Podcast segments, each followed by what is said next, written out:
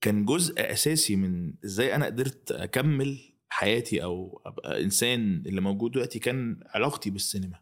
عرفت قيمة حاجات كتير قوي في الحياة ومن صعوبة عمل الفيلم. الأساس كان إيه؟ الإحساس كان إيه؟ يبقى أنا هاخد قرار لا يمكن أندم عليه. أنا مش هندم على أي قرار واخده من إحساسي أو من ضميري.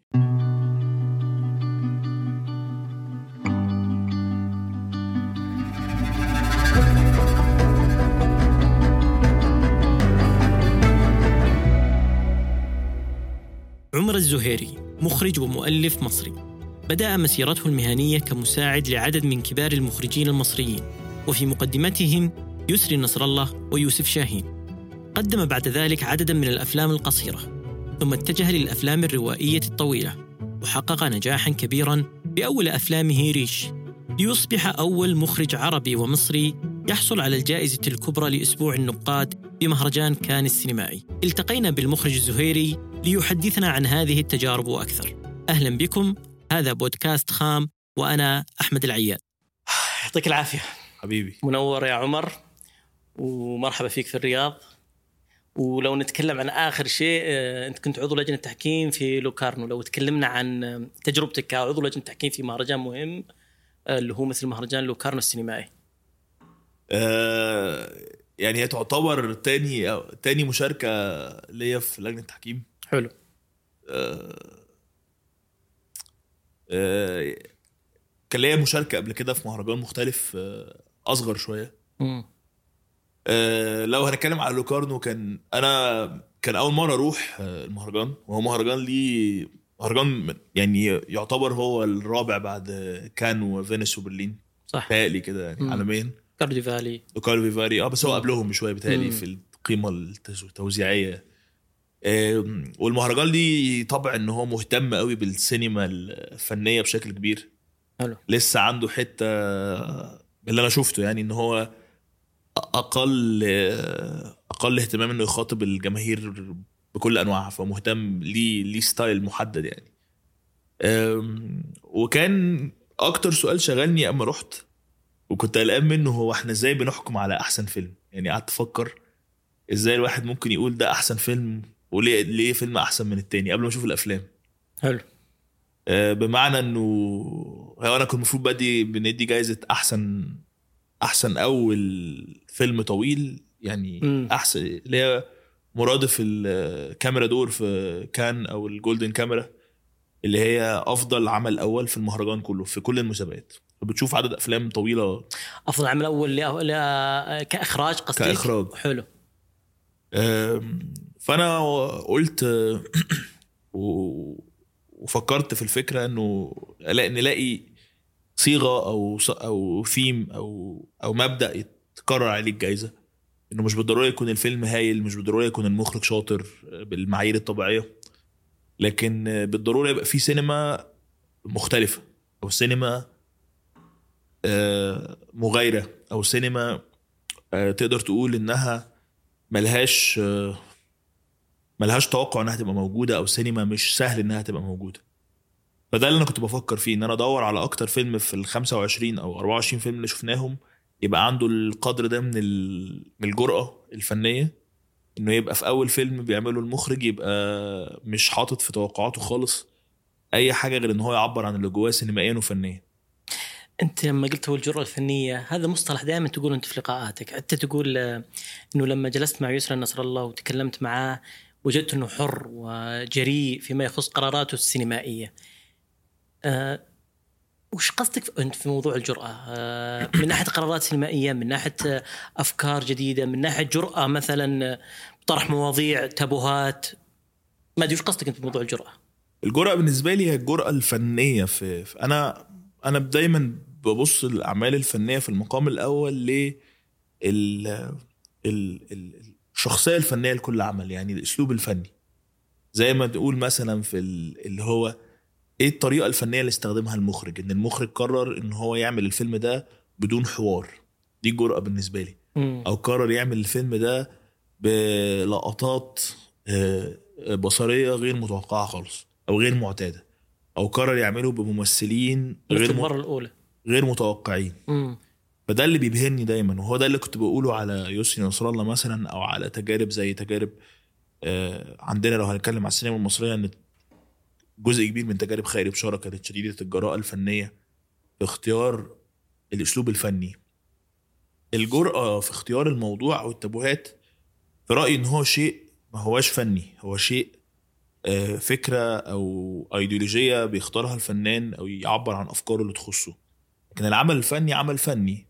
بعد وقت الموضوع التابوه لو ما بقاش تابوه فالفيلم هيفقد قيمته لو إحنا حاطين القيمة للتابوه لو يعني لو ت... لو زي ما بيقولوا ترند إن أنت مثلا تتكلم على شيء ما هواش معتاد في مجتمع معين لكن بعد سنين بقى بقى عادي خلاص فقيمة العمل الفني هتقل لكن القيمة اللي بتعيش هي القيمة الفنية. يعني إحنا بنحب لما نيجي نقول يعني أنا بقعد انبهر قوي بأفلام أو موسيقى زي إحنا لغاية دلوقتي مش قادرين ننسى القيمة بت... مش قادرين ننسى مش بس القيمة بس مش قادرين نخرج من من ثقافتنا اليومية موسيقى أم كلثوم أو عبد الحليم حافظ أو محمد عبد الوهاب في مصر بشكل أو بآخر. عشان أعتقد القيمة الفنية إنها مست... كلاسيكية. أو زي مثلا أفلام الكوميدية اللي هي جزء من الثقافه عندنا. يعني أنت مثلا لما بحب الأفلام الكوميدي قوي أنت عارف. أنا مثلا فيلم الناظر هو جزء من اللغة بتاعتنا. كلامه جزء من اللغة بتاعتنا. كلاسيكيات السينما.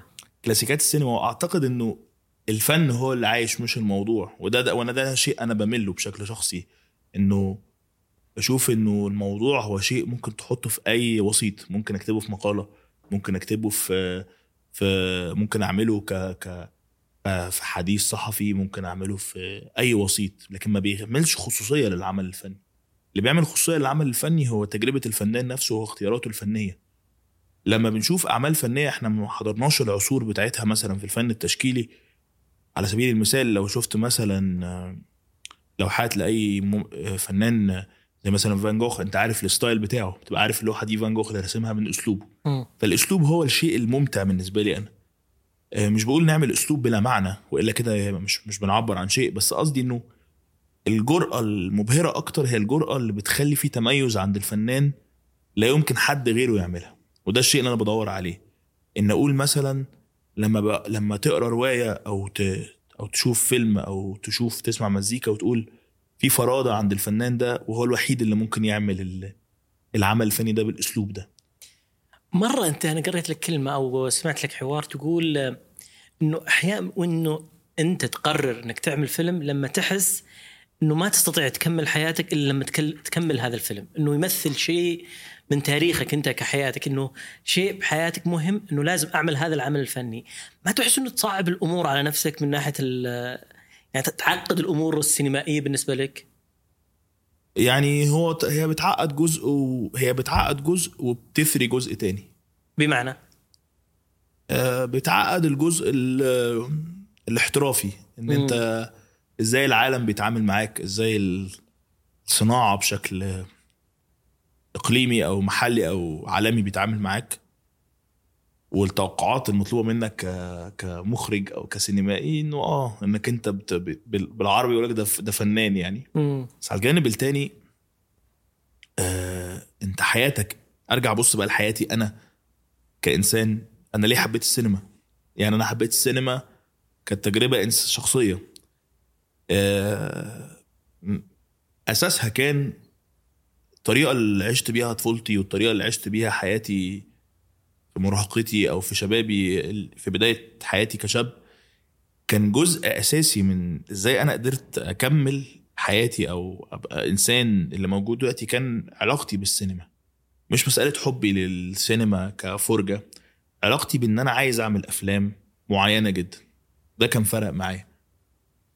ف وهي حاجات ما بتبقاش مدركها وانت طفل بس بتدركها لما بتكبر أو تبدأ تحللها لما تكبر يعني مثلا أنا كنت طفل عندي جانبين في حياتي جانب في قدر كبير من الوحدة نظرا اني ما عنديش إخوات ما عنديش الشكل الأسري ما المعتاد عندك أشقاء أي.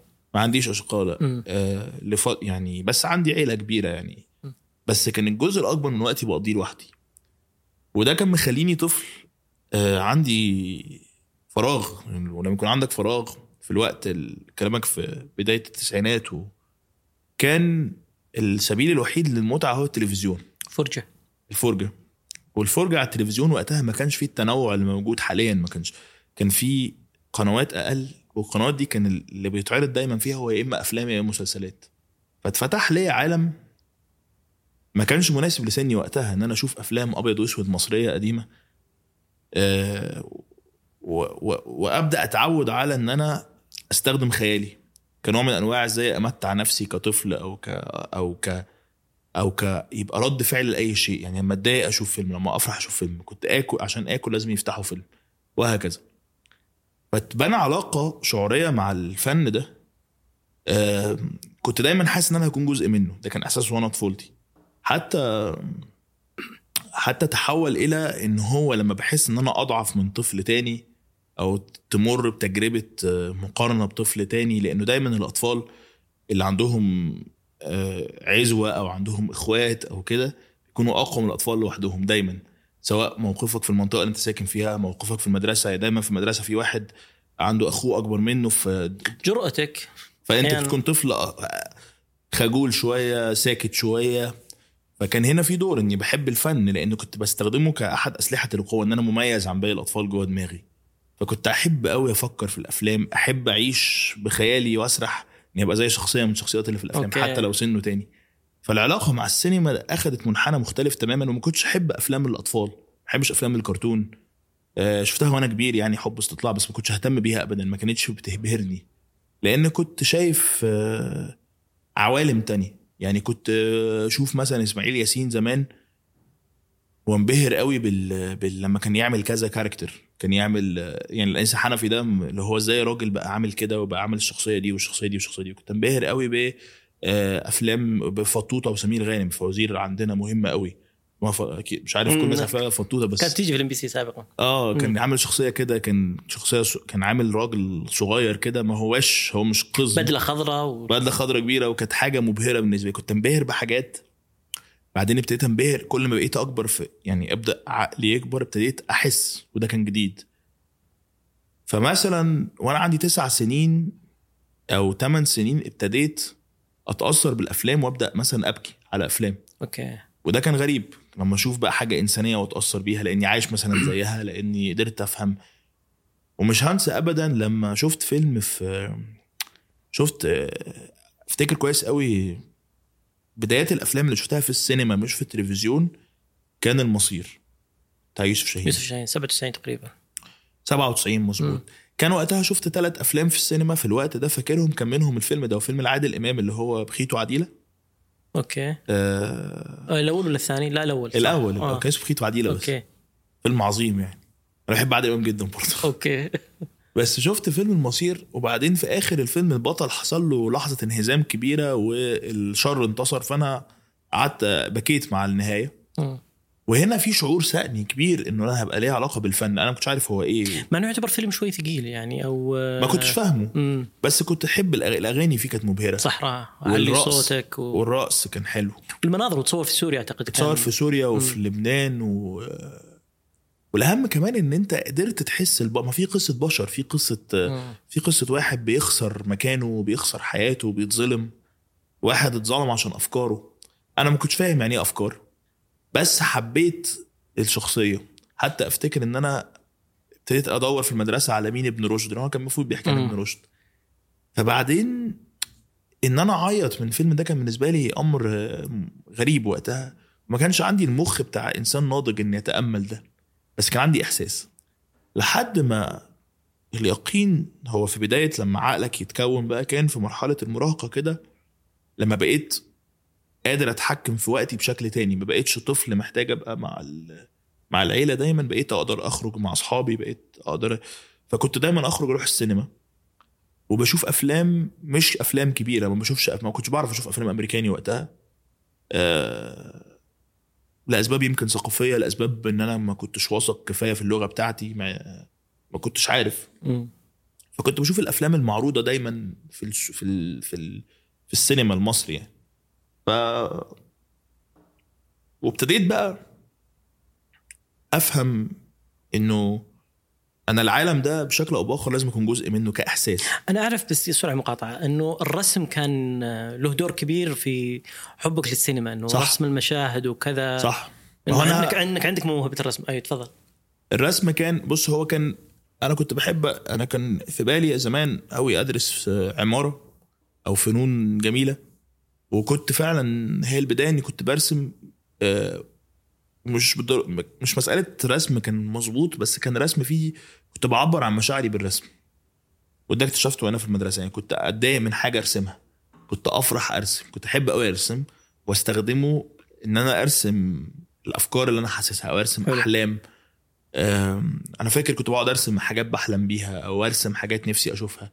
بطريقتي ما كانش بالضرورة يبقى رسم مبهر بس كان عندي استخدام الرسم كنوع من أنواع التعبير مش مجرد ك story وكقصة يعني. ك story أو ك أو ك آه ك- أو ك- ك statement أو زي ما تيجي okay. الإحساس.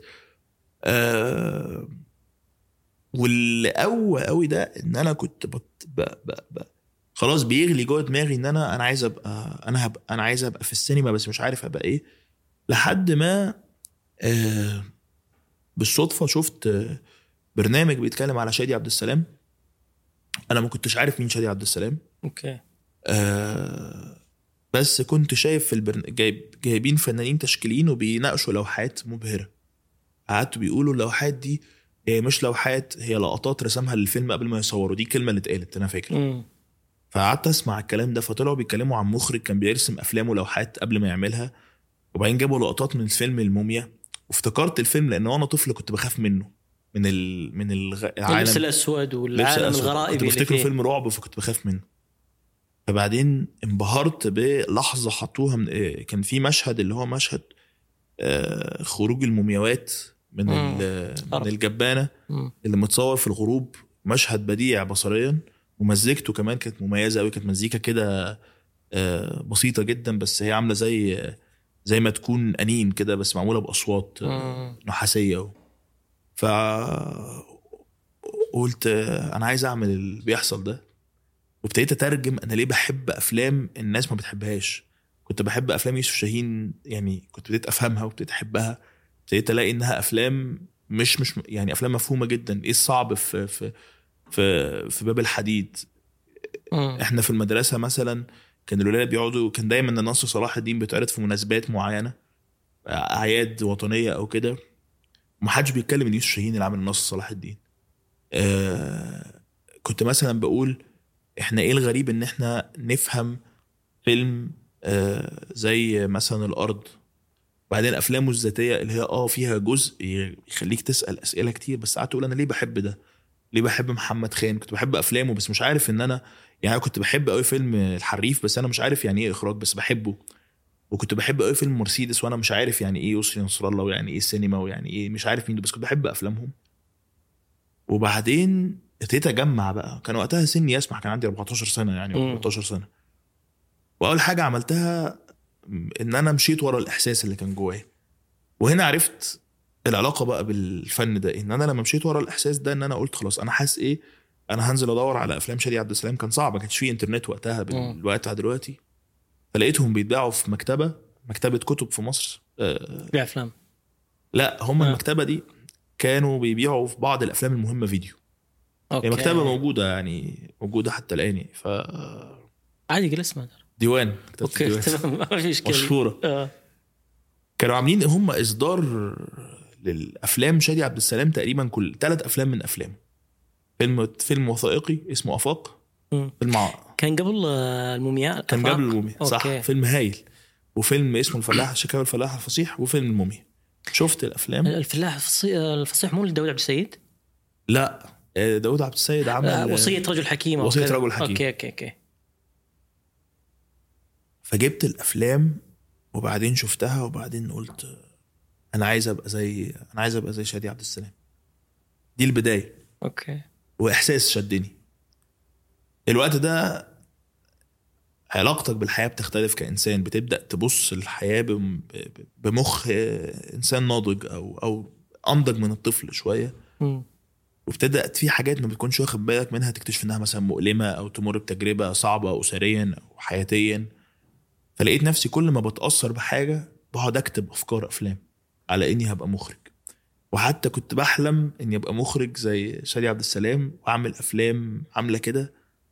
وابتديت أحلم أحلام كده زي ما بيقولوا أحلام ال- يعني دي dreaming كده إن أنا okay. أعمل أفلام فنية وتروح مهرجانات وتكسب جوائز كنت بحلم بكده وده الطفوله وطيب خلاص أنا بيعملوا إيه؟ بيدرسوا في معهد السينما. طب أنا ه... هخش معهد السينما. آه.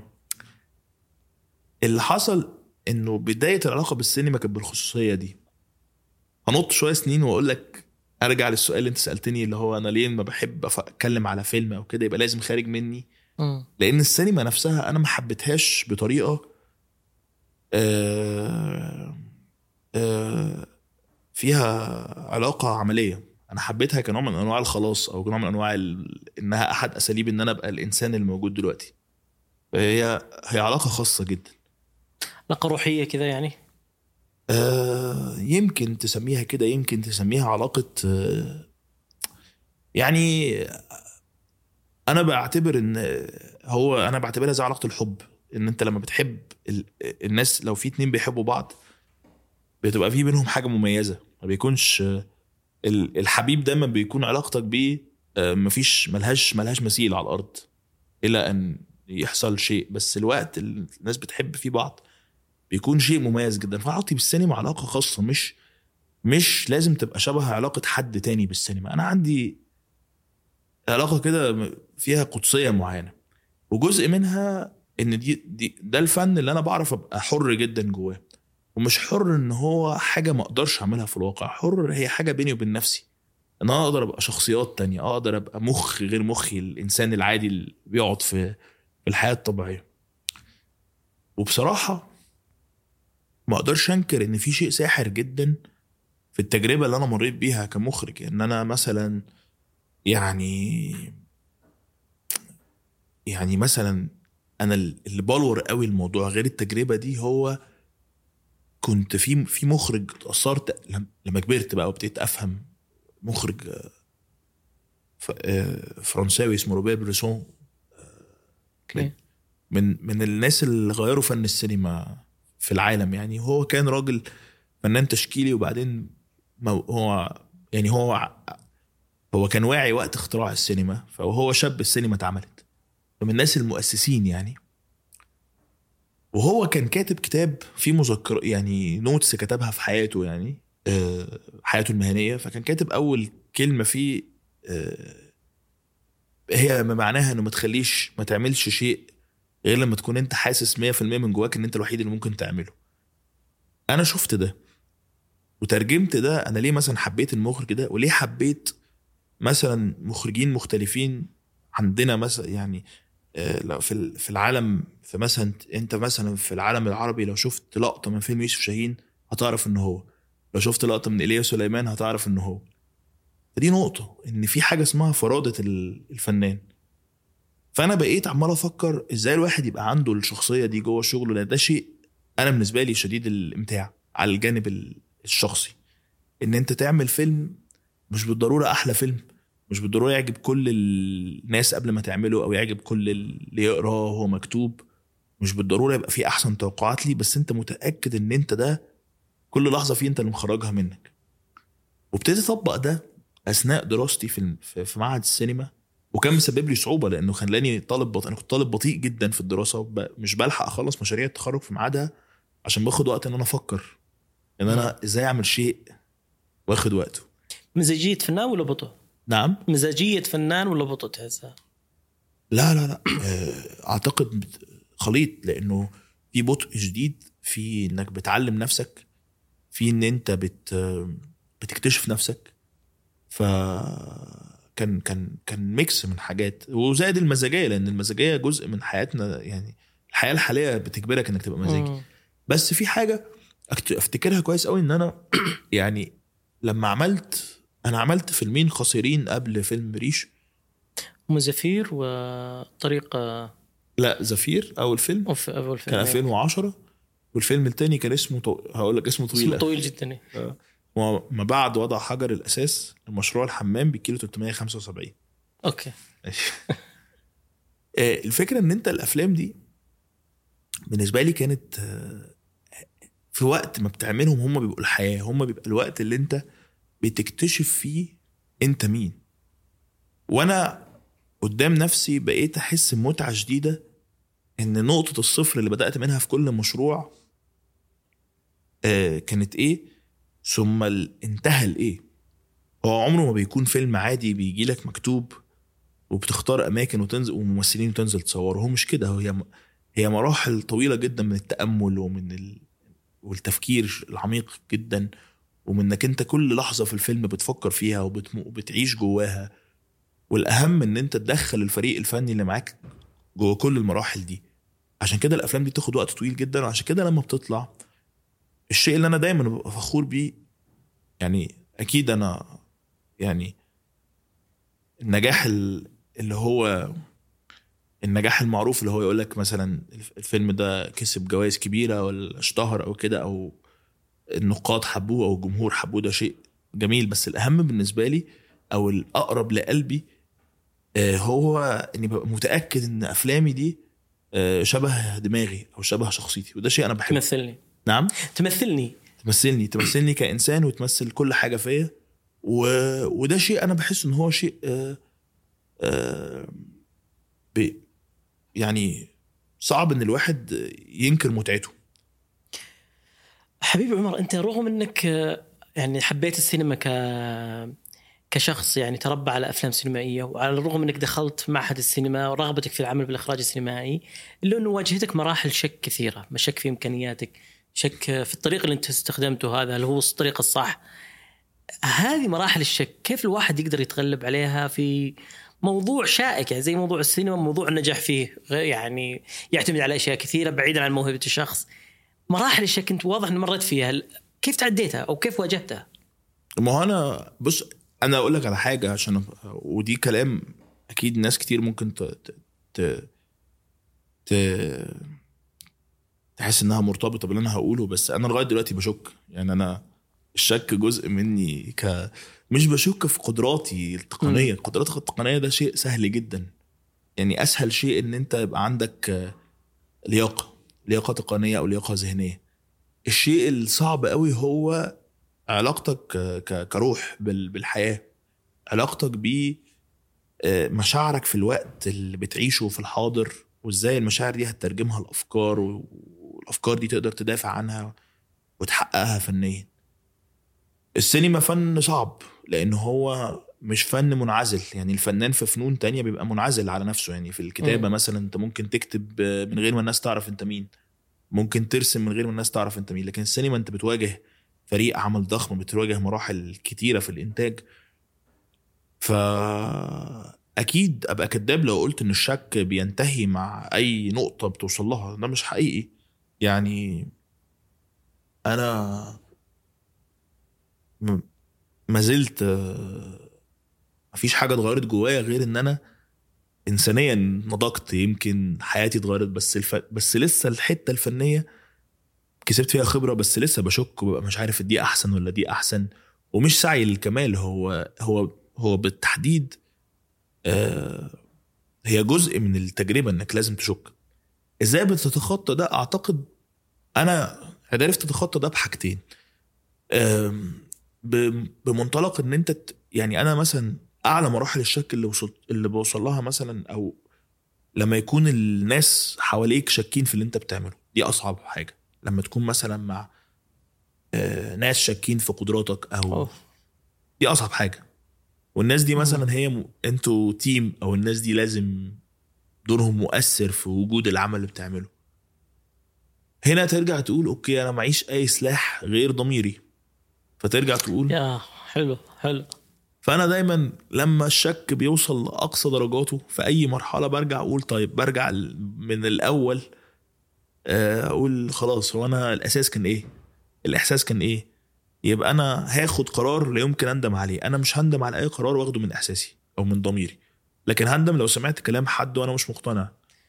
آه، عشان كذا أنت مدي أو تشوف م- دور يسري نصر الله بحياتك دور كبير خصوصا مكالمته لك أثناء المعهد لما آمن بأفلامك ومشاريعك وكذلك لما عرض فيلم آه، زفير وشاهده الأستاذ الله يرحمه سمير سيف ووحيد حامد. آه، تق- ه- هم شافوا لا هم شافوا الفيلم التاني الثاني. الثاني مش زفير الفيلم okay. اللي هو اسمه طويل ده اللي هو طيب. آه، أنا قصدي الإيمان الاشخاص هذه زي الأستاذ وحيد حامد الله يرحمه أو الأستاذ سمير سيف وكذلك الأستاذ يسري نصر الله. هذا فرق معك أكثر بانه لا أنا اللي آه. أعمله صح أنا أسوي شغل آه، مؤمنين في ناس ويرون إنه عمل ممتاز. بص هو لا شك إنه هرجع أقول لك أنا إحساسي ودي أنا ال- لحد آه، يعني بيسعدني جدا لما حد يقول لي إن هو بيحب حاجة أنا عملتها. مش بس ال- يعني لما أشوف شخص بيديني رد فعل صادق على شغلي ببقى أكيد سعيد وببقى أكيد قادر أفهم لأن الشغل اللي أنا بعمله ده ما هوش شغل هو جاي غير من متعلق بالناس يعني. نعم؟ غير متعلق بالناس. لا لازم يلمس الناس قصدك شغلك. لازم يلمس الناس وهو أنا عشان أعمله أنا خرجت يعني مريت بتجارب كتير قوي إنسانية وشخصية في الآخر. أنا نفسي بتفاجئ لأن ده بيكون أسلوبي إن أنا ري... آه، ده رد فعلي على الحياة اللي أنا عشتها. يعني في الآخر كل أفلامي هي نبع من تجارب أنا عشتها بشكل أو بآخر. مش بالضرورة هي قصة بس المشاعر والأفكار هي أكيد هي حاجات أنا عشتها أو كوابيس بحلم بيها أو أو حاجة زي كده. فأنا عارف آه، فإنك تلاقي حد يقول لك إن إنه تأثر بشغلك بيبقى عامل زي ما يكون آه، زي ما يكون حضن كده أو سوليداريتي. يعني بيكون في شيء إنساني وده شيء جميل لأن أنت الحياة كده الحياة إنك أنت الشيء الجميل في البشر فكرة التواصل. أو حتى مع الغير بشر مع الحيوانات أو كده إن أنت اللي عنده حيوان في البيت ولا حاجة بيبقى عنده كده علاقة مش قادر يفهمها بس هو ده بتح... بيبقى جميل لما بتحسه ما بالك بقى لما تبقى أنت بتعمل نوع فن هو دايما آه الأفلام ال- يعني الأفلام أنا دلوقتي قادر أتكلم لأن. لأن بقيت آه، خلاص الواحد استوى إنه يتكلم والسنين عدت في الشغل وفي كاريره أو بداية الكارير الواحد طالع بس ما أقدرش أقول أو ما أقدرش أنكر إن أنا عندي حب رهيب لفكرة السينما الفنية أو السينما ال- اللي مش بس آه، اللي اللي مفعولها قصير سميها كده. السينما الفنية دايما قصدك مفعول قصير يعني زي مثلا آه، نقدر نقول الأفلام الكوميدية البسيطة زي ولا لا؟ لا مش قصدي كده مش قصدي آه. النوع قصدي مفعولها قصير الأفلام مثلا اللي معمولة مثلا استثمارية مثلا فبتتعمل. لوقت وتتشاف مرة و... أفلام معقولة مم. بس ممكن تعمل فيلم بسيط وكوميدي ويعيش معاك للأبد زي ما أنا ب... يعني زي الافلام مش مش معنى إن الفيلم كوميدي إن هو ممكن يبقى الفيلم ده فيلم زي أفلام إسماعيل ياسين تتكلم عنها زي الناظر زي زي الناظر. فيلم آه، يا ربي ولد زي يا رب ولد. أو. أي فيلم عاش أو بتاع أو أو عمل فني عاش هو مش هو هو عمل فني آه، آه، صادق يعني بس في حاجة إن أنت في إحنا عندنا في مجتمع في مجتمعاتنا وبالتالي ده موجود في حتة كتير. دايما يعني ما نقدرش ننكر إن مثلا أفل يعني دايما يتقال فيلم المهرجانات فيلم ما بيتفهمش وفيلم بطيء وممل. وفي العكس فاهم قصدي؟ الغريب لما أنت تبقى طفل أو تبقى شاب و... وتتأثر بالسينما دي وتحبها من قلبك وتلاقي خلاصك فيها ف وبتواجه بقى شباب زيك بي- زمايلك في الدراسة يقول لك لا أنت بتقول أنت مجنون فاهم قصدي؟ يعني أنا ومش سوء نية هو دي دي دي الطريقة أنت بتعمل شيء غريب. أنت ليه ما بتروحش تعمل الفيلم اللي كل الناس عايزة تعمله؟ ليه ما بتروحش تختار الاختيار اللي كل الناس عايزة تختاره؟ عشان هو ده شكل النجاح. لأن التجارب التانية هي مش في نظر البعض قد تكون غير ناجحة. إنك تعمل فيلم فني زيادة أو ده شادي عبد السلام مات وعمل فيلم واحد في حياته. ماشي. صح. ما دي كل بس في الآخر آه، شاد بسنة الفيلم تقريبا ترتيبه الأول على أفضل الافلام العربيه صحيح وده مم. حاجة عظيمة بس الأهم من ده كمان هو إن الفيلم لسه موجود والفيلم لسه لو أنت عرضته لحد ما يعرفش هم فيلم عمل فني عظيم. فكان في وقت دراستي زمان إن أنا اواجه آه وأقول أنا بحب إيه؟ ما كانش سهل. خلي بالك كان عندي 18 ولا 17 سنة وبقول أنا بحب ده كان شيء. غريب آه وقتها يعني. فطبعا كان مؤثر جدا لأني ما كنتش قادر أواكب الايقاع بتاع زمايلي بطريقة تعاملهم مع السينما اللي كانوا كلهم عارفين سينما أنا ما أعرفهاش عارفين سينما أمريكاني كويس قوي بيحبوا أفلام أنا مش قادر أحبها وده مش غلط ولا عندهم ولا عندي يعني. ففي وسط ده كله أنا وصلت لمرحلة إنه كنت بفكر جديا ما أكملش دراسة لأني ما كنتش ماشي كويس في الدراسة. وكان جزء منها صدمة إن أنا مش عارف أتعامل مع العالم ده مش عشان هو وحش عشان أنا عندي انغلاق كده عندي خوف ومش واثق في نفسي خالص ومش واثق في اللي أنا بحبه وطبيعي إني ما أكون مش واثق لأن ما عنديش ما عنديش ما عنديش حاجة تدي ت- تبقى تقوم بدور ال reference أو العراب اللي يقول لي أعمل إيه ما عنديش مم. وال reference بالنسبة لي هو مش حلو هو عدم نج... هو هو في ناس كتير بتبص إن دي سينما فاشلة ودي سينما غير مهمة وغير مربحة و... و load على المنتج و ففي عز ما أنا بفكر آه إنه خلاص أنا بطيء في الدراسة آه ومش مزاج السينمائي مختلف عن آه آه عرفت أتدرب كمساعد مخرج وكده بس يعني في حاجة مش مريحة. في وسط ده كله صدفة إن يسري نصر الله شاف تجاربي في بداية الدراسة هو كلمني فعلا مكالمة في التليفون وهو ما ما يعرفنيش خالص. يعني ما فيش بينا أي علاقة. وقال لي أنا كنت لما شاف الأفلام أنا رحت اديها له وقلت له أنا بفكر أسيب السينما ومش عارف إيه و... فقول لي أنا صح ولا غلط يعني. شاف الأفلام وكلمني مكالمة. تخيلي بقى أنت عندك 19 سنة ولا حاجة ولا 18 سنة ويكلمك مخرج زي يسري نصر الله. كان لسه هو مخلص وقتها جنينة الأسماك وباب الشمس ورا بعض. okay. فيلمين يعني مش مش وأنا كنت منبهر بجنينة الأسماك. فكلمني قال لي انت انت موهوب جدا؟ أنا ما فهمتش يعني إيه موهوب وقتها مش فاهم معناها مش فاهم إيه صفات الموهوب. مم. ولازم تكمل في السينما و... وانت عندك حاجة اسمها ستايل ودي حاجة صعبة ومش عارف إيه. وبعدين قابلته وقال نرغي قال لي يعني بمعناه إنه هتكتشف مع الوقت إن أنت اتخلقت تعمل ال... ال... انت انت انت انت جواك السينما دي وانت لازم انت موجود عشان تعملها. وبعدين غير ان هو قال لي تعالى اتدرب معانا في الشغل وتتعلم زي الافلام الكبيرة بتتعمل تقنيا يعني بس تحول إلى آه، صديق. و وراني جانب آخر ما كنتش أعرفه خالص عن الفنانين. شفته بقى معاه أول مرة. هو إنه فنان كبير وسينمائي ناجح وليه شهرة عالمية وعمل أفلام مؤثرة جدا بالنسبة لي. إن هو منفتح على العالم جدا إن هو بيحب أفلام إنه بيحب فيلم الليمبي وبيحب فيلم الناظر وبيحب الأفلام المتنوعة جدا وبيحب المسلسلات وبيحب الأغاني. حتى وقتها كان بي... كان مشغل أغنية كانت أغنية شعبية وقتها اللي هي أنا مش عارفني مش عارف عارفها ولا لأ. okay. كانت لسه عبد الباسط أنا مش. عارفني. آه كانت عاجبة يقول لي دي بص كلامها عامل إزاي. فبالنسبة لي المفروض الراجل ده يبقى أنا مش أنا. يبقى يبقى بيتكلم زي يبقى حياته زي ما بيطلع في يعني زي ما بيطلع دايما المخرجين في ال interviewهات بيتكلموا كلام بطريقة معينة لقيت إنه إنسان. تحسه حقيقي مو مزيف يعني. مو مزيف. مم. والأهم إنه ابتدى يح- يعرفني على جانب جديد في حياتي ان هو خلاني أكتشف نفسي كإنسان من غير ما يقصد ب- بنفسه إن هو إن هو على طبيعته. إن هو عمره ما تعامل خالص إن هو المخرج كده. كان بيتعامل إنه يعني زي ما بيقولوا man to man يعني شخص عادي بناكل بنشرب بنتكلم في الحياة. وما انكرش انه وقتها هو لعب دور في حياتي شخصي جدا إن هو كان أنا وقتها أبويا كان مهاجر وما كنتش ما كانش عندي الفاذر فيجر في حياتي. فهو كان جزء كبير قوي إن كنت بتكلم معاه في الجزء اللي أنا مفتقده في حياتي اللي أنا مش اللي هو دور الأب.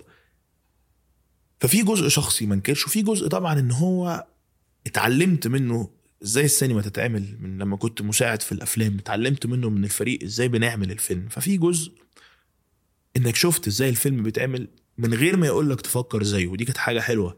إن عمره ما بيقول لك تفكر زيه أو لا هو ساب لك المجال مفتوح تبقى أنت نفسك في ده.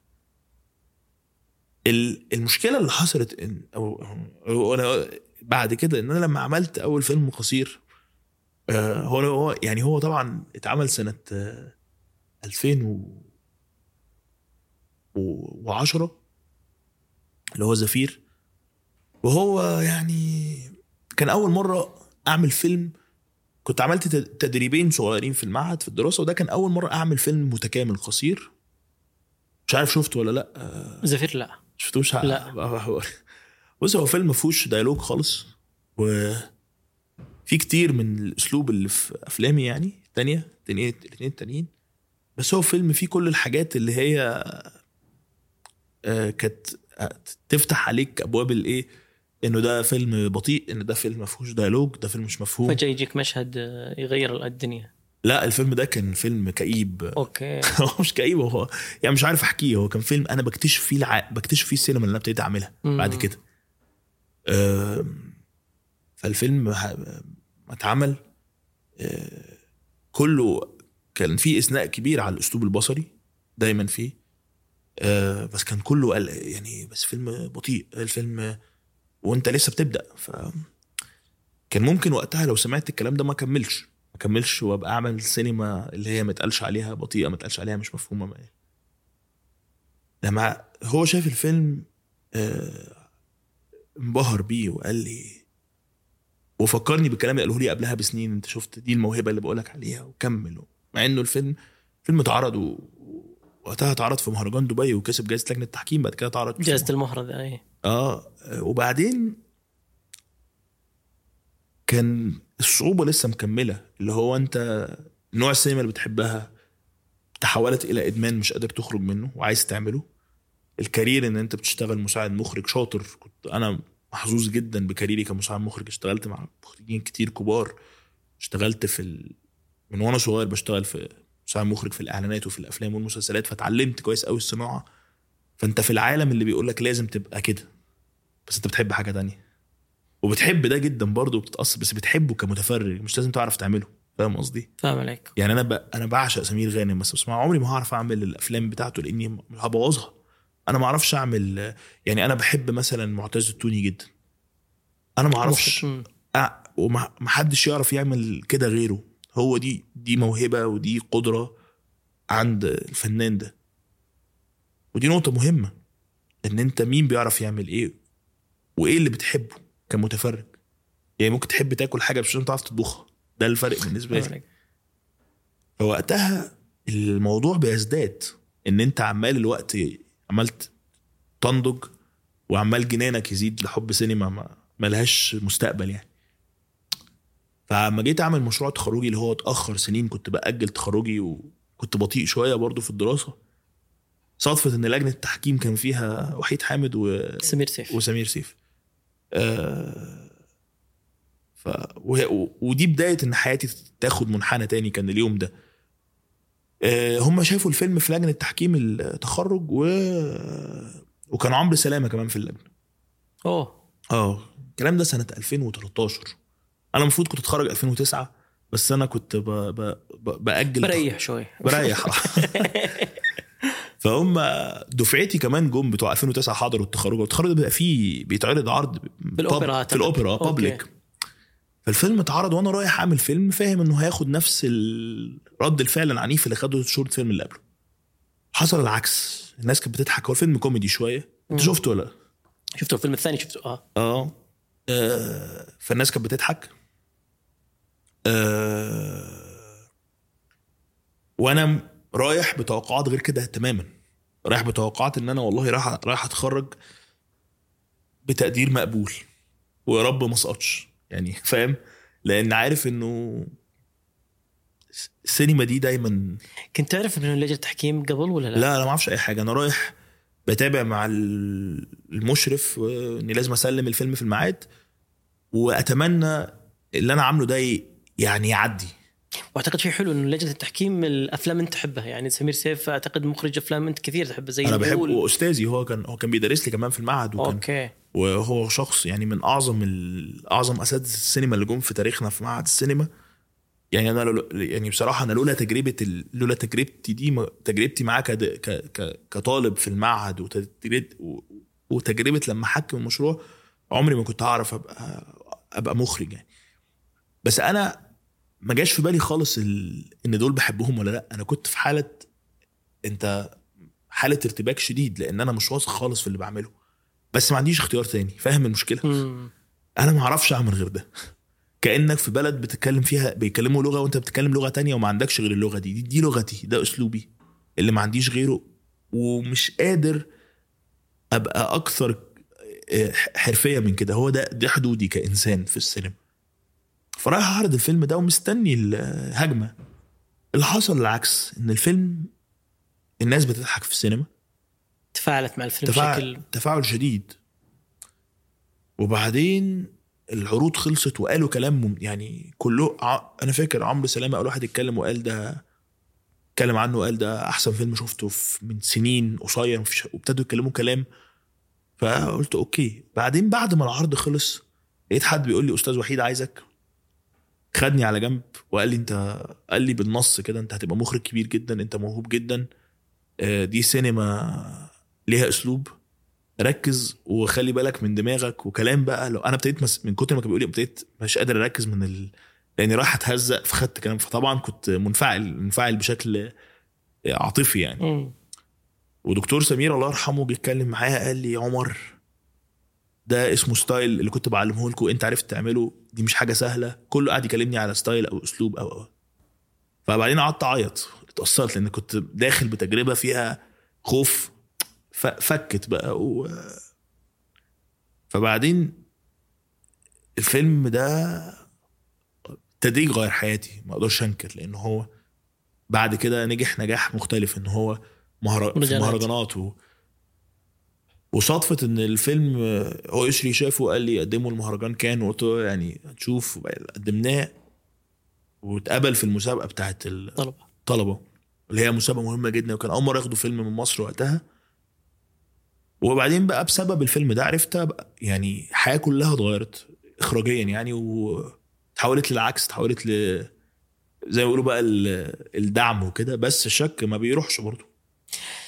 آه بعد فيلم آه هذا الفيلم انت قدمت آه أو نقدر نقول دخلت بتجربة الفيلم الطويل فيلم ريش. من البداية يعني أنا عارف أنك تكلمت كثير عن الريش لكن من بداية الفكرة إلى اختيار الممثلين اللي أول مرة يمثلون إلى رحلة كان مرورا إلى الجونة ثم قرطاج. تفاصيل مهمة وأعتقد أنها شكلت آه، سواء أثناء صناعة الفيلم أو حتى ما بعد آه، أثناء عرض الفيلم. هذه كل كل واحدة لها حكاية أعتقد. طبعا. بس قصدك يعني أنا قصدي فيلم ريش بدايته أو اللي ال- لما فكرت في فيلم ريش كان أثناء دراستك أثناء كانت الفكرة غير واضحة لك لأن اذكر حسب ما قرأت وحسب ما شفت لك إنك تقول في مشاهد أثناء كتبتها كثير أثناء آه، التصوير. أيوه. وكنت مش- أنت والمؤلف أحمد عامر تشتغلوا كثير يعني على موضوع الكتابة. بص هو كتابة الفيلم مر بمراحل مختلفة كتير. مم. مش مش آه، هو الفكرة جات لي الأول آه، لما عملت فيلم القصير التاني ورحنا مهرجان كان بيه آه، ساعتها ابتدى العالم يتعامل معايا إني مخرج وده كان شعور جديد. حلو. فابتدى الناس بتكلمني فين فيلمك الطويل الأول الناس دي اللي هم قصدي إدارة المهرجان مثلا أو المنتجين في ال level تاني بقى خالص. okay. وأنت جاي من من mindset مختلف أنت جاي من mindset أبسط من كده بكتير فكان في أول حاجة هي رغبة ملحة إنك لازم تعمل فيلم طويل. آه، من الصناعة من ال من السين السينمائي العالمي اللي انت بقيت دخلت جواه. فكان أول أول حاجة يا ترى إيه هو الفيلم اللي ممكن أعمله تاني؟ وأنا ما كنتش جاهز ولا جاهز انسانيا ما كنتش إنس... كان عندي 24 سنة. مم. وده بجد ما كنتش جاهز يعني ما كنتش عارف عايز أعمل إيه في حياتي ما كنتش عارف عايز أروح فين وأجي منين ما كنتش فاهم ما كانش عندي أي أرض ثابتة تخليني قادر أقول إيه ده أنا هبقى مخرج بشكل احترافي خلاص. لأنه وقتها كمان أنا تفسيري إن المخرج بيعمل أول فيلم طويل ده وهو عنده 40 سنة مش وهو عنده 25 سنة. بالنسبة لي ده كان شيء غريب جدا و كان أول حاجة إن أنا أقعد مع نفسي أقول يا ترى إيه الفيلم؟ ما انكرش هنا حياتي لعبت دور كبير إن أنا أنا الطريقة اللي بعيش بيها إن أنا الحاجات اللي بنفعل مش بنفعل اللي هي تجارب حاجات تعصبني في كده. بنفعل قصدي تجربة مثلا إنسانية مر بيها أو كده. دايما أحب من وقت للتاني أفكر فيها لما تخلص أو اثناءها أو كده آه، بشكل مثلا كتابة أو فلسف الأمور شوية جوه دماغي. دي الطريقة اللي أنا بعرف آه، ده رد فعلي دايما للحياة إن أنا دايما أفكر. ما ما سر... ما, ما, ما, بنفجرش ما بعملش حاجة بقعد إيه أمنطق الأمور وأروح واوديها وأجيبها في دماغي ومش عارف إيه. ساعتها أنا كنت بمر بحاجتين. بمر بيه ودرجه آه، درجة ظهور ونجاح وتحقيق لحاجات أبدر بكتير من وقتها اللي هو إنك تعمل فيلم ويروح مهرجان كان في مسابقة ويتع... وتتعامل معاملة إنك أنت مخرج ده كان بالنسبة لي شيء مفاجأة. أوكي. والحاجة التانية إن أنا كان عندي تجربة شخصية إن أنا كان أول مرة أشوف أبويا بعد سنين هو كان مهاجر فرحت زورته في أمريكا. أمريكا. ولما رحت هنا حصل حاجتين إن أنت بيحصل لك درجة كبيرة قوي في حاجة في الكارير بتاعك. لك تجربة شخصية صعبة جدا إن أنت تشوف آه، شخص أنت بقالك 10 سنين ما شفتوش وانت علاقتك بيه آه، أبوك. أبوك. وأنا وعلاقتي بيه كمان حساسة جدا مش. وحشة أو حلوة بس علاقة فيها مشاعر كتير و... وحاجة كانت ضايعة منك وبتحاول تلاقيها. وبعدين لما تروح تصطدم بالواقع أو تصطدم فكان في تجربة عنيفة شعورية بمر بيها. لها علاقة بي أنا قاسية؟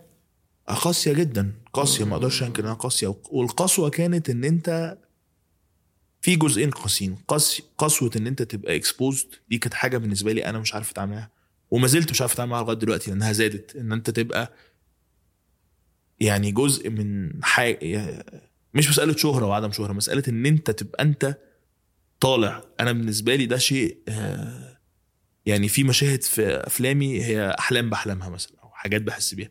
بس بقت الناس بتشوفها فبالنسبة لي ده شعور جديد مربك أحيانا. الجانب التاني إن كان وقتها أوكي أنا بقيت خلاص بقيت مخرج قدام نفسي أو قدام أقدر أقول إني مخرج لكن حاجة أنا ما عنديش ثقة أقولها كتير وقتها. رغم الدراسة ورغم كل ده أنا ما كنتش واثق فيا. يعني الثقة تقول خلاص أنا يعني أنا كنت وقتها حتى ما أقدرش أقول إني بشتغل مخرج. دايما أقول بشتغل في السينما بس ما أقدرش أقول بشتغل مخرج. أنا بقيت أقول بشتغل مخرج دي لما الناس عرفتني بقى خلاص. بس دايما كنت يعني ما بقولش بشتغل إيه. شغال في السينما. شغال في السينما. واللي ما يعرفش واللي مش بالضروري يعرف في الحقيقة ما كنتش بقول شغلانتي الحقيقة كنت بتكسف بصراحة. أوكي. ما أعرفش ليه الإحساس ده كان عندي بس ده أنا بحب اتكلم بصراحة. ساعتها لما شفت لما زرت أبويا وحصل كان ارتباك يعني حصل ارتباك. فكان عندي مشاعر اللي من النوع ده اللي بالعلاقة دي. وكان عندي على الجانب التاني ال career اللي بيكبر ومطلوب أعمل فيلم. ف مع ضغط التفكير بعد أربع خمس شهور كتبت ال line الأساسي بتاع فيلم ريش اللي هو آه ست ست جوزها تحول لفرخة في عيد ميلاد ابنها. حياتها بقت قاسية جدا. لما لقيته في الآخر قتلته. هنا أنا كتبت ال line ده بلا وعي. كتبته كده وأنا قاعد في ترانزيت في مطار. مش مش هنسى الحكاية دي. وبعدين قلت إيه ده؟ في شيء في إحساس حسيته كده عامل زي الكهرباء كده. إن في حاجة في ال line ده آه، في النهاية تحديدا مش في الفرخة وكده. okay. وفي تقتله نتيجته وافتكرت رواية بحبها قوي لكافكا اسمها ال- المسخ. أو الانمساخ اللي هي Metamorphosis اللي هي عن عيلة اللي هي plot قريبة جدا منها. آه، عيلة اب- الابن بتاعهم اللي هو مسؤول عن العيلة بيصحوا الصبح يلاقوه بقى صرصار بدون أسباب بيتحول load وحمل عليهم لأن الصرصار ده بيبقى وحش في البيت فبدل ما يساعدوه بيقتلوه والحياة بتكمل. والإحساس ده كان جاي لي في علاقتي بأبويا وقتها بتاع الشيء اللي كنت بحلم إن أنا أشوفه اتحول للود. كنت أتمنى إن الشيء ده يخلص بشكل أو بآخر. فهنا ابتديت أربط أنا عندي حاجة هنا في الفيلم ده وابتديت ألاقي آه، صيغة أكتبه بيها. وكتبته بالطريقة دي بطريقتي اللي هي ما فيهاش خبرة وما فيهاش بس فيها إحساس وفيها تقدر تقول رؤية أو فيها شيء خاص. وقدمت الفيلم لل, لل... قدمت الفيلم لل... لبرنامج الكتابة بتاع مهرجان كان اللي هم كانوا طالبين مني إن أنا أقدم عشان يساعدوني. هم عندهم برنامج بيساعدك تعمل أول فيلم ومش عارف إيه. لما قدمت الفيلم كانت لجنة التحكيم فيها منتجين فرنسيين فقالوا أوكي مخرج موهوب وشاطر وأفكار بس ما شافوش اللي أنا شايفه. شافوا فيلم عن فرخة ويلا. وكده نكتة يعني. فهنا آه، ما عدا فرد واحد بس في لجنة التحكيم اللي هو تحول إلى شخص مهم جدا في حياتي بعد كده اللي هو آه، جوليات لوبوتر المنتجة الفرنسية اللي أنتجت فيلم ريش. هي الوحيدة اللي كانت شايفة إن في شيء إنساني في القصة دي. إنه مش م... مش قصة إنه فرخة آه، إنسان تحول فرخة. لا, لا, هو كان كله بيدور على النكته في الأول وده بيد... وهنروح للقصة دي. ساعتها بقى ابتديت okay طب يلا نشتغل بطريقة أنتوا عايزين عايز... أنا ابتديت آه، بصراحة أستخدم كل قواي العقلية إن أنا آه، آه، أعمل زي ما المخرجين بيعملوا. هو المخرجين عشان ينجحوا بيروحوا يقدموا على الفيلم labs يخشوا جزء من ورش كتابة اسمها ده تطوير السيناريو عشان الفيلم يبقى معروف للمنتجين وكده. فساعتها بقى معايا co-writer أحمد واشتغلنا على سيناريو اللي هو آه، أول مرحلة فيه كانت المرحلة ال- السيناريو اللي فيه فكرة ال- الفيلم واللي هو مكتوب بطريقة مفهومة وفعلا نجح في اللغة. بس بعد ما السيناريو ده خلص آه، الحياة ابتدت تتغير عندي أكتر. لأنه النبوءة اللي كانت عندي اتحققت. آه، أبويا مات بعدها بسنه أو سنتين. وكان جزء من الفكرة إنه أنا ما عرفتش أتعامل خالص مع ال- يعني لحظة الموت دي كانت آه، فيها شيء مبهر بالنسبة لي. مش موت عادي مش موت مش مسألة إنك بتزعل على شخص مات. هو مسألة إن أنت تتعامل مع حاجات كان نفسك تحصل. وحاجات نفسك ت... وما حصلتش. وتقدر تقول سلب الإرادة أو شيء شبه كده. هنا وقفت قدام لحظة قلت أوكي أنا مليان مشاعر دلوقتي مليان حاجات مش هعرف أحكيها بشكل مباشر مليان غضب مليان خوف مليان آه، ألم آه، فأنا هعيد. أنا عايز أبقى موجود إزاي؟ فهنا حصل يعني تحول الفيلم ده لشيء تاني خالص. غير الفيلم اللي هو كان منتظر أو الفيلم اللي كان آه، آه، متوقع انتاجيا. فاهم قصدي؟ ما بقاش الفيلم الخفيف اللي فيه فكرة كوميدية ذكية أو كده. بقى فيه فيلم مليان المشاعر اللي أنا حاسسها تجاه الحياة وقتها. واشتغلت على كتابة تاني مش بمنطلق الكتابة ال- لأ بقى بمنطلق إن أنا هعمل قطعة بتعبر عن كل اللي أنا حاسه وقتها. اللي هي تحولت إلى الفيلم في الآخر. ما حصلش كتابة أثناء التصوير. لا الفيلم كتابته كانت خلصانة قبل التصوير ب ب سنة ونص سنتين تقريبا. هو بيحصل مع الاختيارات ومع الأماكن أو مع اختيار مثلا شخص يمثل بتحول الفكرة بتاعت المشهد إنها تلائم ده وبيحصل تطوير بس مش لدرجة الكتابة من أول وجديد. كتابه أمم. الكتابة من أول جديد حصلت بعد ما التجربة خدت منحنى تاني خالص ما بقتش مجرد الفيلم اللي بعمله عشان نجحت.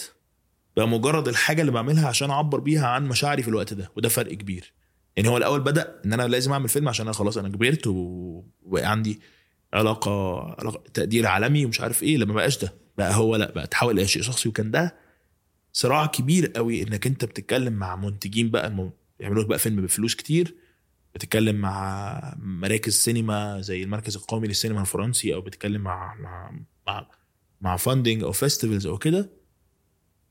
آه وكان الفيلم اللي, اللي اتصور ده تخيل وهو مكتوب كان جنان. ما كانش ما كانش كان غريب في الأول وكان لولا إنه معايا منتجين مؤمنين تماما باللي أنا مؤمن بيه ما كنتش عارف أعمل فيلم. فاهم قصدي؟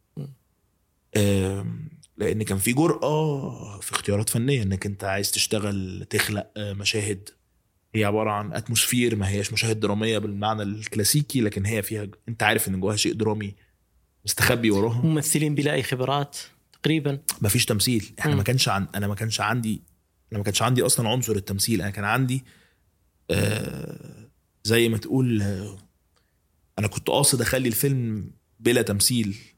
وبلا تدريب ممثل وبلا تقنية التمثيل أنا كنت عايز أعمل شيء آه يجبر المتفرج إنه يدخل جوه العالم ده. كأنك آه بتشوف آه لأنه أنا قلت لو أنا خليت الناس دي تمثل التمثيل اللي إحنا اللي هو مناسب لقصص تانية أو أفلام تانية بس قلت أنا عايز أعمل حاجة تخليك تشوف نظرة تانية للشيء اللي أنت متعود عليه. يعني قصة الفيلم بسيطة أصلا مش معقدة. قصة لاين بسيط. بس الطريقة اللي تم بيها اختيار الممثل- الممثلين وطريقة التمثيل خلتك إن أنت كل مشهد بسيط في الفيلم أنت عمال تفكر هو إيه اللي بيحصل وإيه هيحصل بسبب الطريقة دي. مم. يعني لو قاعدين بيا سهل ممتنع. نعم؟ السهل الممتنع تقريبا. تقريبا كده. إن أنت لو تقول ما هو أنت لو بصيت على مشاهد ال في مشهد بحبه قوي في الفيلم أنا شخصيا اللي هو في أول الفيلم لما بيكون الراجل والعيلة قاعدين بياكلوا وبيحكي لهم على على بيقول لهم كلام اللي هو هجيب لكم حاجات ومش عارف إيه بعد كده بيتكلم على وهو بيشرب اللبن يقول اللبن ده بيفكرني باللبن اللي كنت بشربه في البعثة. ويبدأ يحكي لمراته إنه بره بيجيبوا لهم بقر على صينية صغير ويحلبوا البقره ويشربوا لبن طازة على طول. الطريقة اللي قال بيها الجدية الشديدة دي دي لو كانت متمثلة ما كنتش هتصدقها. صح. لكن انت صدقتها لأن هو هو ما حدش فينا فاهم إحنا بن... إحنا أنا عارف أنا إحنا بنقول إيه بس كان هو خد الموضوع جد. لما تلاقي مثلا المشاهد اللي هي الأوامر اللي بيدوها للكاركتر أو مش... أو مشهد الساحر كل ده أنا أعتقد إن الأسلوب ده هو اللي كان خلق الفيلم. هو دي الجرأة اللي كنت الجرأة الفنية. وما كانش سهل إن حد يقبلها. ان تخيل أنت أول فيلم ليك وتقول للمنتج أنا وبصراحة حتى المنتجين يعني كانوا واثقين فيا جدا. بس كان في قدر من القلق لأنه لأنه أنا ما جزء كبير جدا من الممثلين ما بقابلوش قبل التصوير. بحب أقابل الممثلين على التصوير. بشوف صورهم بخلي حد يقابلهم من مساعدين غيري. اعمل لهم كاستنج وكذا ها؟ الكاستنج مش دايما أنا بعمل يعني كاستنج أنا دقيق جدا فيه بس مش بحب أبقى يعني إما بروح الكاستنج والمما... والناس مش عارفة إن أنا المخرج فأنا راقب عشان يبقوا على طبيعتهم لأن دايما الناس بتخاف من المخرج. أه وبحب وبحب ابص يعني مش ب... السيناريو مثلا المكتوب الممثلين بياخدوا نسخة أبسط من هي نفس السيناريو بس آه، بيكون مثلا اني بحكي لهم السيناريو بيكون حاجة بسيطة مش بخليهم مش بصعب الموضوع عليهم عشان يفضل طبيعي قدام الكاميرا وكده. ولو غلط ساعات باخد الغلطة واخليها جزء من الفيلم وده حصل كتير في مشاهد كتير قوي تلاقي حتى تلاقي لو شفت الفيلم في السينما هتلاقي ناس بتبص للكاميرا. وأنا قلت ده هيبقى جزء الناس مش عارفة ده هو تسجيلي ولا روائي يعني كانت لعبة كده. آه بعد هذا الفيلم أو اثناء التصوير وانت أتى العرض في كان ونال جائزة آه، نقاد الكبرى. صح. كانت تجربة أعتقد أنها يعني مذهلة أنك أول شيء تشارك في المهرجان وتأخذ جائزة مهمة. آه، عن التجربة هذه أنه أنه يعرض الفيلم بعدين آه، يتم عرضه في الجونة. شعورك في هذه اللحظات تفاعلك مع العالم تفاعلك مع النقاد تفاعلك مع المسؤولين في المهرجان أنت تتويجك بهذه الجائزة خصوصا أنهم كانوا آمنوا فيك من أيام فيلمك القصير. أنا بصراحة أنا هو ال- ال- ال- اللي كان اللي كان مبهر بالنسبة لي أنا عمري ما كنت أتوقع إن السينما اللي بعملها دي تبقى عليها الاهتمام ده أصلا. وده برضه شو يعني ده نقطة مهمة بالذات في بالذات في الفيلم الاخراني ريش لأن دايما الأفلام دي كنت بشوف يعني أفلامي اللي قبل كده هي شاركت. يعني الفيلم اللي قبل ريش شارك في مهرجان كان لكنه ما كسبش جايزة وما كانش وكده ما كسبش جوائز اللي هي يعني انت دايما في أفلام بتشارك بس هي بتبقى تقيلة على لجنة التحكيم. فكان تصوري إن الفيلم ده هيعمل معاملة التجربة وإنه قلت يا رب يعدي بس النقاد ما يقولوش إيه الجنان ده يعني لأنه قبل ما لما قدمنا الفيلم المهرجان كان كان في برضه مفاجأة للم- للفريق لأنه هم شافوا إنه دي سينما غريبة جدا. ما برضه خلي بالك ده كان بيتقال آه ده بيتقال منهم إنه إيه ده إحنا ما توقعناش كنا فاكرين فيلم كوميدي. فيلم كوميدي أزيد من كده. ففي مفاجأة حصلت. فابتدى يحصل debate في حد قال لا ده أحلى من السيناريو اللي كنا متوقعينه أو السيناريو اللي إحنا قريناه. ده أحلى من توقعاتنا أو ده أوحش بكتير من توقعاتنا. حصل انقسام من ناس يعني ما كانش فيه اتفاق من كل الأقسام على الفيلم إلا أسبوع النقاد تحديدا. آه، وهنا شارل توسون هو الرئيس السابق بتاع ال- الحكم آه لا بتاع بتاع أسبوع النقاد. كان شايف إنه آه كان منبهر بالفيلم من أول لما شافه وقال لي قابلني وقال لي عمر ده فيلم هو هو عارف السينما المصرية كويس قوي كان بيشتغل زمان في مصر في الإنتاج مع يوسف شاهين وكان يعرف صلاح أبو سيف بشكل شخصي وعارف عاطف الطيب فهو شايف السينما المصري كويس قوي فقال لي ده ده فيلم مجمع كل السينما المصرية اللي أنا عارفها كويس في فيلم حاجة جديدة كان منبهر حقيقي بالفيلم وكان يعني بي- بيشعر في الفيلم لما اختاره. okay. فاولا كنت سعيد بإن في شخص مؤمن بفيلمي كده. رغم إنها كانت تجربة مش سهلة. زي اي فيلم مش سهل بس دي كانت تجربة أنت بتواجه يعني أنا كنت عارف إن في مغامرة أو مقامرة إن أنت ده أول فيلم ليك ويا هتيجي كده يا هتنجح يا هتفشل مفيش في النص. يعني هو الفيلم ده أنا كنت متوقع إنه يا إما الناس هتكرهه كره شديد أو ناس هتحبه حب كبير يعني مفيش وسط. يعني مش هيمر مرور ال هو في لأن في قدر من العنف شوية البصري أو في شيء بيخليك يرهقك ذهنيا أو هتستمتع جدا ملهاش حل. الانقسام أتوقع اللي حدث في كان طبعا لا يقارب بالانقسام اللي حدث لما عرض آه، في الجونة. كان في في في, ك- في الجونة. آه آه. أعتقد في الجونة كان هناك آه، استقبال مختلف. آه كان في استقبال مختلف بس كنت متوقعه. لا ما كنتش متوقعه ابدا. بس هرجع لك اللي كان مكان أروح أوكي. الجونه كان كان اللي حصل وقتها إنه أنا اللي كان و- لما الفيلم اتعرض اللي رد الفعل كان ممتاز فعلا. في أول عرض. وكان مختلط بمشاعر كتير لأن أنت جاي منهك من تقفيل الفيلم وكده لكن اللي كان مبهر بالنسبة لي ال- الكتابات النقدية. دي بقى أنا وقفت عندها في المهرجان. أنا شفت آه مراجعات. آه يعني الكتابات كانت مبهرة. وخصوصا من ناس بحبهم أو من نقاد مصريين أو نقاد عرب. يعني أنا بصراحة قريت الكتب ما صدقتش الناس بتكتب عن شغلي كده. وانبسطت جدا. مم. من نشر مقالات أحمد شوقي وفيك حبشيان صح. مم. وهو أول ثلاثة كتبوا كان أحمد شوقي وهوفيك وأستاذ طارق الشناوي في مصر. كتبوا كلام آه، وصلاح صلاح هاشم برضه ناقد مصري آه. مح- محمد صلاح هاشم. آه. و- و- وغير بقى طبعا لقيت بقى كيودو سينما وفرايتي وهوليود ريبورتر وليموند وكل دول كتبوا كلام إنه يعني عن جمال الفيلم.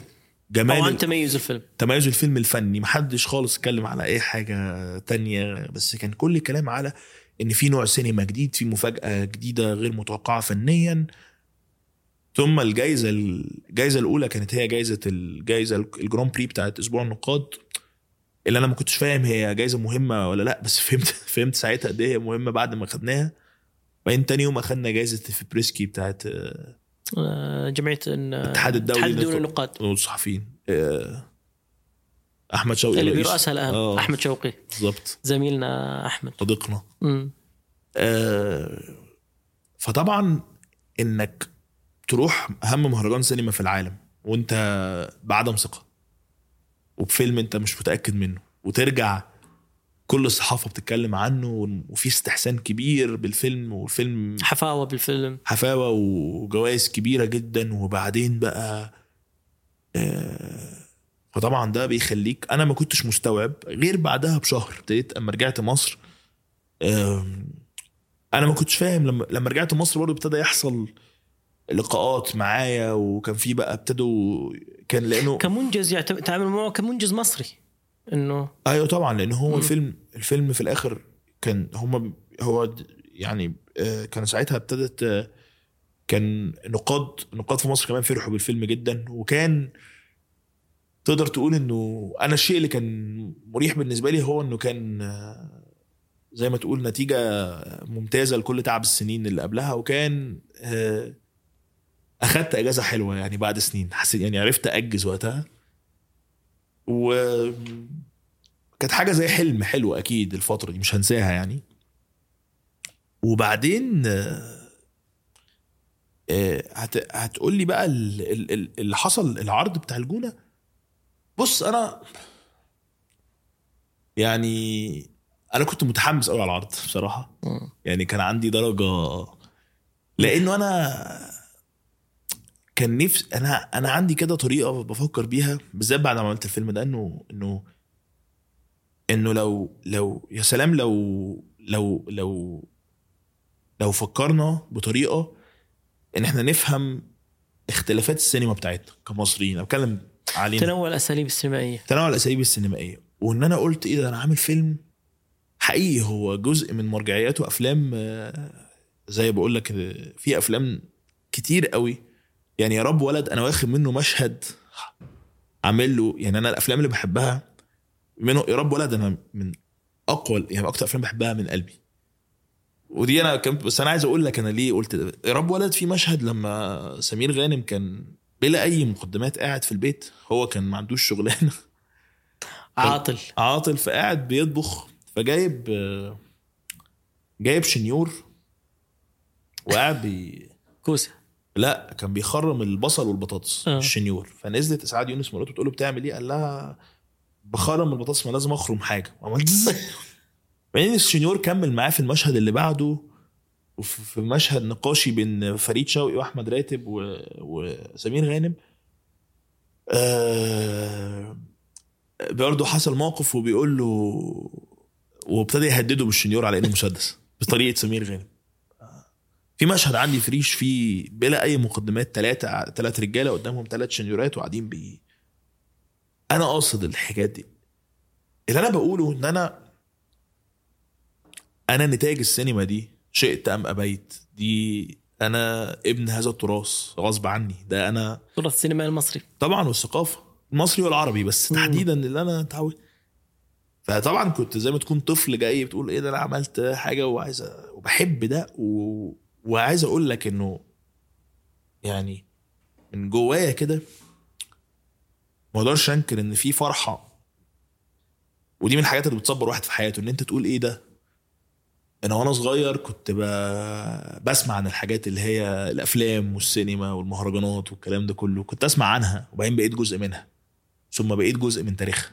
فبرجع أقول لا دي حاجة ببقى فخور بيها. ما أقدرش أنكر ده. ما أقدرش أنكر لما بيتقال آه إنه مثلا آه لما أقرأ مكتوب على فيلم من شغلي إنه دي حاجة مهمة للسينما المصرية وكده أكيد بفرح جدا. فالطفل اللي كان بيحب السينما وهو صغير و...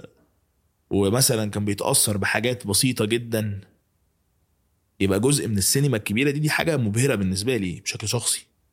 يعني وصلت لهدفك وصلت لحلمك. فاهم قصدي. مش مشكلة أبدا إن فيلم يختلف عن الناس ده طبيعي بالذات فيلم زي ده لأنه فيلم مش اعتيادي فاهم قصدي؟ فيلم مختلف مختلف جدا وكان أكيد في توقعات إنه فيلم آم، كان في توقعات لأن نقديا كان مكتوب إنه الفيلم مكس... أول مرة نكسب جايزة زي دي في مهرجان كان و... كانت توقعات عالية عن الناس بتشاهد متعة آه، سينمائية على حسب فكر الجمهور ممكن وقتها وكذا مظبوط. لكن مش المشكلة بالنسبة لي ابدا يحصل اختلاف. وده أنا بتكلم فيه دايما إن أنا أنا عارف ده لأن أنا في أفلام ببقى أنا بحبها وبعدين باجي وقت ما أحبهاش والعكس. فده إنساني. وأنا أعتقد إنه إحنا في وقت التعامل دايما الإعلامي مع أي موقف ساعات بيديله حجم أكبر. بس هرجع أقول إنه أكيد لازم تتعامل مع الاختلاف. هتعمل إيه؟ يعني الحياة هتمشي و... و... و... والمشكلة إنه المشكلة برضو إن أنا يمكن الحاجة اللي أنا دايما هفضل يعني أقول يعني كنت أتمنى إنها تاخد منحنى تاني إن أنا ك... كنت أحب إن دايما الفيلم ده يبقى الذكرى بتاعته ذكرى ذكرى سينمائية أكتر. بس هتعمل إيه؟ أو تقول إنه والله آه، آه، تعالوا نتكلم في السينما اللي في الفيلم. ولكن على الجانب التاني ما هو ما أقدرش أقول ان ده كان الحاجة الوحيدة اللي حصلت. ما هو لا الفيلم صح. في الآخر في الآخر أخذ جائزه اخد الجولة. جايزة. وغير كده الناس حبته كتير. وقبل الجايزة ما هو الفيلم خلي بالك هو مثلا أنا ما أقدرش أنكر إن أنا مثلا ما هو أنا بعد ما رجعت من كان وزارة الثقافة في مصر كرمت الفيلم وكرموني أكيد دي حاجة كبيرة بالنسبة لي لأن أنت أثبتت شيء. بالسينما دايما بيبص لها بصة تانية. بصه انها سينما مش مهمه الرأي الرسمي كان بالعكس محتفي فيك جدا لا ما. كانش في مشكلة من دي ومش دي المشكلة صح. بس آه كمان في حاجة تانية في الآخر كمان مش هقول إن جمعية النقاد المصريين اختارته أحسن أوسكار. فيلم آه، لا ما اختاروا جمعية. النقاد جمعية النقاد المصريين اللي شوقي برضه رئيسها مم. اللي هي هي جمعية النقاد هو اتحاد النقاد المصري هي بقى لها حاجة و50 سنة هي 50 سنة بهذه وفي جمعيتين عندكم للنقاد في مصر صح؟ في جمعية الفيلم وفي جمعية النقاد. جمعية okay. النقاد هي تابعة ل FIPRESCI هي زي اتحاد النقاد عندنا. هي جمعية النقاد آه. اختارته في أحسن فيلم في السنة. وده طبعا ليه معنى كبير. بس في الآخر يعني لو الفيلم لازم لازم ما نحبش فيلم ونحب فيلم. ده طبيعي. لكن طريقة اختلافنا ما ينفعش تكون إنها مطلقة. يعني أنت لو أنت تقول لي أنا يعني أنا مخرج متنوع جدا أنا عارف ده عن نفسي. يمكن أفلام اللي جاي أعملها تعجب ناس مح... الناس من... في ناس من اللي ما حبوش ريش يحبوا افلامي اللي جاية. وارد وارد العكس. آه... بس طبعا هو جديد على الواحد إنه يتعامل مع كل ده كان جديد عليا انه يتعامل مع الضغط و... بس لا ما أقدرش أنكر إن أنا يعني مبسوط في الآخر ب... ب... ب... باللي حصل كمحصله نهائية. في الآخر آه... الفيلم. الفيلم أنا عملت طلعت اللي جوايا وتعلمت كتير و... وما أقدرش أنكر إن أنا لغاية دلوقتي لسه بكتشف أنا هعمل إيه بعد كده بشكل نهائي أذكر انت خلال استعدادك للفيلم قلت إنك توقفت عن مشاهدة الأفلام لمدة سنة صح هل تشوف إنه مفترض إنه صانع الأفلام قبل ما يبدأ عمله السينمائي يتوقف عن مشاهدة الأفلام؟ بص أنا ما أظنش إنه لازم الناس تعمل كده. أظن إن الواحد على حسب الإحساس اللي عنده. مم. أنا بميل أكتر بشكل كبير قوي لفكرة إن أنا أخلق شيء من البداية. بحب قوي فكرة إن أنا آه ما أشوفش آه مرجع. بحب قوي أطلع اللي جوايا. تصفي. آه. فده أنا أو حتى جزء من الفريق معايا يعني. بس آه أنا كمان ما كنتش قادر أشوف. عارف لما تبقى مش. انت عايز تطلع مش قادر تشوف. دلوقتي أنا مش قادر تستقبل يعني. مش قادر أستقبل خالص. بس دلوقتي رجعت أشوف تاني و... لأني في اعاده اكتشاف تانية في مرحلة تانية. آه، بسألك سؤال. آه، طبعا آه، أنت من الناس اللي تشتغل على إعلانات بشكل كبير. آه، هذا الموضوع فيه كثير من المخرجين السعوديين يعمل في الإعلانات ويشتغل في الإعلانات. ودائما يرى أن بعض هناك مقولة أنه من يعمل بالإعلانات يأثر بشكل كبير عليه في السينما. من خلال خبرتك يا عمر أنت تشوف هل هذا صحيح؟ هل ممكن يأثر سلبا؟ هل ممكن يأثر ايجابا؟ آه، رأيك بالموضوع لأنه دائما مثار جدل خصوصا عندنا إحنا فيما يخص السينما السعودية. آه بص أنا رأيي إن الموضوع ده آه هو بسيط قوي هو أنا مثلا أنا بعمل إيه حتى أنا كنت بتكلم النهارده مع علي كلثمي في الموضوع ده. إنه علي قال لي أنت فاهم وسيط الإعلانات كويس هو بي هو علي عنده دايما يقعد قال لي إنه شوف إعلاناتي واستغرب جدا إن أنا نفس المخرج ده بيعمل ده بيعمل نفس المخرج اللي بيعمل السينما دي بيعمل الإعلانات دي إن هم مختلفين شويتين عن بعض. أوكي. أنا رأيي إنه هو في فرق كبير جدا من إخراج الإعلانات لإخراج الأفلام. دي وجهة نظري أنا. في وجهة نظر شايفة العكس. في وجهة نظر شايفة إن الإعلان إنك بتحكي قصة في وقت قصير صح. مم. بس الإعلان في الآخر هو آه هو هدفه الأساسي هو الإعلان عن منتج. كويس؟ فالأهم من الشكل والأسلوب هو الهدف في الإعلان. مم. العمل الفني غير كده خالص. العمل الفني قد يكون غير مفهوم. قد يكون فيلم انطباعي. قد يكون فيلم تجريبي. قد يكون فيلم ليه آه، طبقات مختلفة من المعاني والأفكار ولايرز وكل ما تتعمق فيه تفهم حاجة وتشوفه. يا في أفلام لو شفتها كذا مرة كل مرة هتشوف حاجة جديدة. لا يمكن الإعلان يبقى كده. الإعلان في الآخر هو عمل تقني جدا صعب جدا لأن هو أنت في وقت قليل لازم تحدد قوي معلوماتك ولازم كل ثانية تبقى مفهومة. مفهومة دي مهمة. مفهومة مش محسوسة. مش آه يعني هو معلومات. يكون سهل الاستيعاب. معلوماتي. هو أنت بتقول معلومات. حد بتسوق. بتسوق. هو أنت بتقول معلومة. فلما بتيجي تعمل مثلا موقف كوميدي في الإعلان أنت مش بتعمله من شخصية أنت بتعمله من موقف. أوكي. وده فرق كبير. وده مش معناها إنها كوميديا موقف أو لأ بمعنى أنت لو الفيلم الكوميدي جزء كبير أنت لو شفت فيلم عبارة عن مواقف زي اللي بتشوفها في الإعلانات بيبقى رد الفعل إيه؟ يقول لك ده سكتشات. بالضبط. صح. بالضبط بالضبط. لو شفته سكتش أو إعلان هتقبله. لكن مش فيلم. لكن مش فيلم. ليه؟ لأنه الفيلم انت بتخش بعقلية وتهيؤ ذهني انك انت عايز تبقى جزء من حياة شخصية وتشوف تطور الشخصية دي. لمدة ساعة ونص لمدة ساعتين. بالظبط وتتأثر بيها. على سبيل المثال هنرجع لفيلم كوميدي زي الناظر. الناظر اللي بيضع ال- الكوميديا بتاعته مش كوميديا إفيهات مش نكت وخلاص. مواقف. الأول شخصية إن في شخصية ليها ملامح في ولد متدلع ما كملش تعليمه شخصيته ضعيفة أبوه متحكم فيه. دي كلها والدته أصدقائه. دي كلها مفردات شخصية. الشخصية دي اللي هي صلاح. صلاح ده اتحط في موقف إنه تحول إلى مسؤول عن مدرسة كناظر دي اسمها حبكة. فأنت بتضحك من الفكرة دي بتضحك من الكونتراست ده. ده بقى في بقى مخرج كبير قوي اسمه شريف عرفة. اتفرج على الفيلم ده أخرجه إزاي؟ اتفرج على في مشاهد زي مشهد كل الناس أكيد عارفاه بتاع 150 ألف جنيه تباشير ملون في السنة بتاع فين فلوس المجاميع. حسن اللي هو حسن حسني آه. سليمان عيد. سليمان عيد وكان مش فاكر. حسن حسني. حسن حسني وسليمان عيد وع- وعلاء ولي الدين. المشهد ده مثلا ده مخرج فاهم تماما النوع فأخرجه إزاي؟ المشهد ده لقطة واحدة أو لقطتين بالكتير. استخدم فيه الأسلوب المسرحي اللي هو عارف إنه الفلو بتاع إن أنا ما مثلا امضاءات علاء ولي الدين. هو مضى على أول فاتورة والختم. التانية والتالتة ما قطعش الكاميرا. هو خلاك قاعد في اللحظة. التكرار هو اللي ضحكك. صح. دي السينما. عاد يختم السينما هنا هي إن أنت الشخصية دي اللي أنت فاهم هي مين. أي كاركتر تاني غير الشخصية المبنية البنى اللي ما قبل ده ما كنتش هتضحكك. مع إن الموقف ما يضحكش. ولا الكلام بيضحك. بيتكلموا عادي جدا. هي دي. تيجي بقى في الإعلان.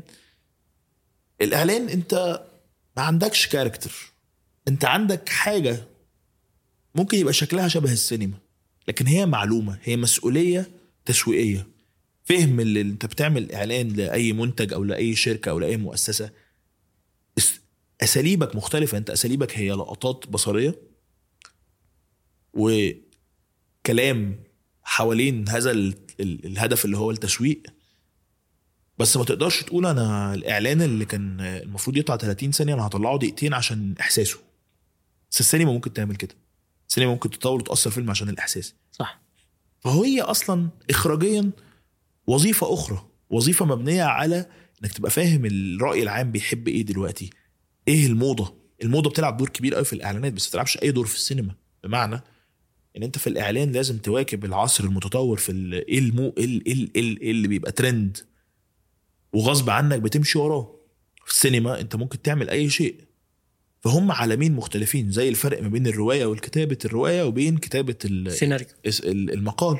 أو المقال. أو أو تكتب مثلا تقرير صحفي أو تقرير أو بيان أو ما هو كلها لغة كلها مفردات. بس ممكن تعمل رواية شاعرية اللي هي يبقى فيها فصول طويلة جدا وفصل فيه سطرين. يعني ممكن تقول الفصل الثالث من هذه الرواية و... وتحول البحر إلى دماء وتكمل الرواية. ما هو ده فن. ده الفرق. لما المخرج يبقى عارف الفرق ما بين الاتنين ومدرك ومحترمه هيعرف يتعامل مع الاتنين ب- بطريقة إيجابية ويبقى عنده الوعي ده. أكيد أنا باجي وقت يعني أنا واعي جدا وأنا بخرج إعلانات. أنا مش بعمل أنا بت... يعني أنا كمخرج إعلانات ما أنا يعني بحاول قدر الإمكان أبقى متنوع جدا بحاول أعملها كنوع من أنواع الاحتراف الشديد وبحاول أقضي وقت حلو. أنا بحب قوي الوقت اللي بقضيه مع الفريق أو مع استمتع بالعمل. بستمتع بجد بستمتع. ولكن ببقى عندي طبعا مسؤولية من جوايا لأن ببقى دايما المخرج بقى اللي هو بتاع السينما الفنية ال ال ال ال ال ال ال القاسية دي ما يظهرش في الإعلان. فبحاول أبقى وده أنا شيء بحبه بحسه نوع من الشطارة يعني إن أنا قادر أتلون و... موضوع السينما الفنية آه الآن السينما السعودية على المحك خصوصا السنة هذه شفنا نجاحات أفلام سعودية في شباك التذاكر اللي هو زي سطار أيوه. وزي الهامور حاعين آه المخرجين السعوديين الآن على المحك هل الآن هو المطلوب مني أن أقدم فيلم ينجح في شباك التذاكر ويخدم الصناعة ولا أمثل أقدم فيلم يمثلني أنا اللي هو فيلم يمثل آه، أحمد العياد يمثل فلان يمثل السينما الخاصة فيني. زي ما تقدم قدمتها أنت في ريش وزي ما قدمها غيرك من المخرجين آه، فيما يخص أفلام آه، نقدر نقول أفلام المهرجانات مثال يعني. بص هو في حاجة مهمة قوي أنا بفكر فيها دايما. بص على أي سينما وتحديدا السينما هنا يعني إن أنت اولا أنا عندي وجهة نظر هرجع للسينما المصرية وبعدين هوصل للسينما السعودية. حلو. السينما أنا كنا دايما أسمع كده في الأحاديث ال ال ال ال ال جانبية. الجانبيه أو الاجتماعية كده يقول لك والله السينما المصرية وده مننا كمصريين يعني. يقول لك شفت فيلم Separation بتاع الفيلم الإيراني بتاع أصغر فرهادي كسب الأوسكار ومش عارف إيه. يا ريت نبقى زي السينما الإيراني يبقى لينا شكل وبتاع. يعني نبقى زي السينما ال- الرومانية أو زي السينما whatever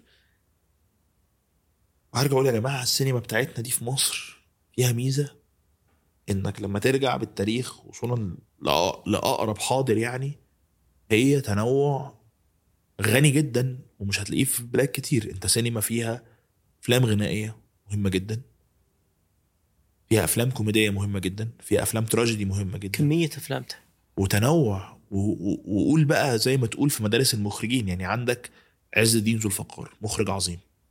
عندك كمال الشيخ مخرج عظيم. عندك نيازي مصطفى. عندك بركات. عندك فطين عبد الوهاب. كويس؟ هذه كلها بيض وأسود. كل ده و- وحضروا قالوا عندك حسن الإمام. وعندك سعد عرفة اللي هو أبو شريف. أبو شريف عارفه بس كان بيعمل سينما فنية. وقتها. كان أفلامه مميزة جدا. وعندك حسين كمال. كويس؟ بعدين عندك محمد خان. وداود عبد السيد علي بدر خان. وخيري بشاره وعلي بدر خان.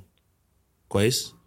وعندك يوسف شاهين وعندك تجارب شادي عبد السلام وعندك بقى ناس عملوا أفلام قليلة زي مثلا آه على سبيل المثال مثلا قرب بقى شوف أسامة فوزي شوف فوزي. نصر الله شوف شوف شوف شريف عرفة. رضوان الكاشف. رضوان الكاشف.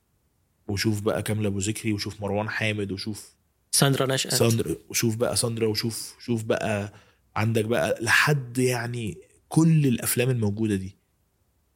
عمر هلال ودلوقتي و... يعني والحلفاوي. و- وعندك وعندك معتز آلاف الأس- مئات الأسامي. وعندك في المسلسلات بتاعتنا من زمان جدا. فالتنوع ده أصلا قيمة. صح. دي قيمة السينما بتاعتنا. فأنا لما أجي أقول أنا عارف لو هتكلم عن نفسي كفرد أنا لازم أعمل اللي أنا مقتنع بيه وحاسه. مش بقول إني مش هعمل فيلم أسلوبه كده أو نوعه كده. يعني ممكن أعمل فيلم تجاري ممكن أعمل فيلم بس لازم أكون مقتنع بيه وحاسس بيه مش مش بشتغل مخرج. يعني لو كده مش هيبقى فيلم حلو. رأيي إنه والله لازم السينما نبص لها بصة إنها بتكمل بعضها. يعني أنا بشوف إن الفيلم التجاري أو ما يسمى أي اسم بيتحط جنب فيلم تاني مختلف عنه وده بيكون الوعي بتاع الإنسان. ده من حق المتفرج يشوف كل الأنواع. هنروح بقى على السينما السعودية حاليا أو السينما السعودية آه، من منظور داخلي محلي.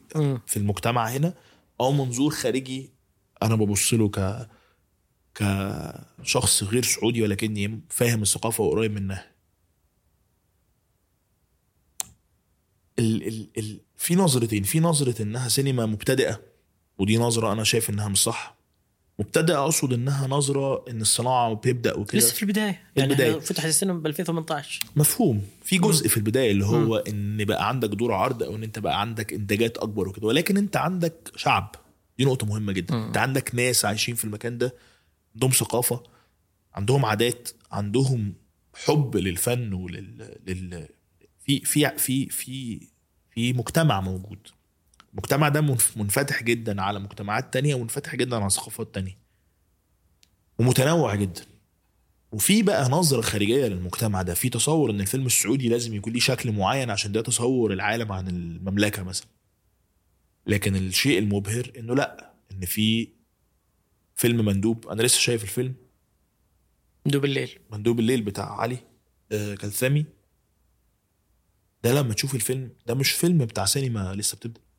ده مش مستوى فيلم بتاع إن والله بلد جديد فيها السينما. ده فيلم مستوى التقني عالي جدا وده شيء سهل إنك تعمله. لكن الأهم إن في فيجن بتاعت شخص رؤية المخرج رؤية مخرج. ومش بيقدم لي رؤية سياحية. مش بيقدم لي الرؤية اللي قد تكون سياحية أقصد بيها مش سياحية. المكان. لا مش قصدي. قصدي الرؤية الاستشراقية أو الرؤية اللي هي آه. التصور المسبق عن عالم زي ما نقول مثلا السينما الهندية كلها رقص وغنى. مش حقيقي فاهم؟ أو السينما المصرية كلها أفلام كوميدية فيها نكت. مش حقيقي. وأغاني وكذا و- أو السينما كذا كذا. السينما المهم للسينما السعودية دلوقتي إنه جوه السينما رايي إنه يحصل حاجتين. رايي إنه لازم السينما ما تبصش لنا ما يبقاش في نظرة إن السينما بتبدأ هي مش بتبدأ يمكن تقنيا بتبدأ لكن المخزون الفكري بقى له سنين ما نقدرش ننكر ده لأن أنتوا ما تقدرش تقولي الناس عرفت السينما من خمس سنين هنا لا الناس صح، عرفت السينما صح، من صح. زمان والرغبة موجودة من زمان ودي النتيجة ومحاولات السينمائيه من زمان يعني في ال 2000 ما قبل ال 2000 بس بال 2000 وال 2010 وكذا في. كمية أفلام سواء قصيرة أو طويلة العدد من السينمائيين السعوديين واثنين وده الأهم إن لازم السينما دي تبقى عندها شخصيتها مش مش لازم السينما دي تستنسخ تجربه أخرى؟ نعم. ان ما تستنسخ تجارب أخرى؟ بالظبط وما ت- وما تستنسخش تجارب تانية والأهم إن السينما دي تبقى متنوعة. تبقى يعني يبقى في فيلم فني ويبقى في فيلم تجاري ويبقى في فيلم زي أي سينما متنوعة. لأن في الآخر الكسبان ال- الوحيد من كل ده هو أو الكسبانين الوحيدين هم طرفين. واحد الصناعة نفسها إنها بعد خمس سنين هتقول إيه ده إحنا فخورين جدا. إن إحنا عملنا تجارب آه، متنوعة جدا وهتتحول ل عالم عالميا. أعتقد إن أنت لما تقول يعني على سبيل المثال أنا بتضايق قوي لما أروح مهرجان سينما ويبقى في فيلم مستواه الفني متواضع ولكن ليه قيمة عشان جاي من بلد ما بتعملش سينما. أوكي. تحسها مجاملة أو كذا. مجاملة أو أو حب استطلاع أو اكتشاف لعالم exotic أو كده. أوكي أوكي. ما أعتقدش إن السينما السعودية هتبقى كده لأنها لأنها فيها بني أدمين في ناس عندهم تجارب بيعبروا عنها. وأعتقد بعد تنوع بعد عمل كذا فيلم متنوع مع الوقت هتتحول لسينما آه، موجودة فرضت نفسها زي أي سينما تانية موجودة. فأنا بشوف إنه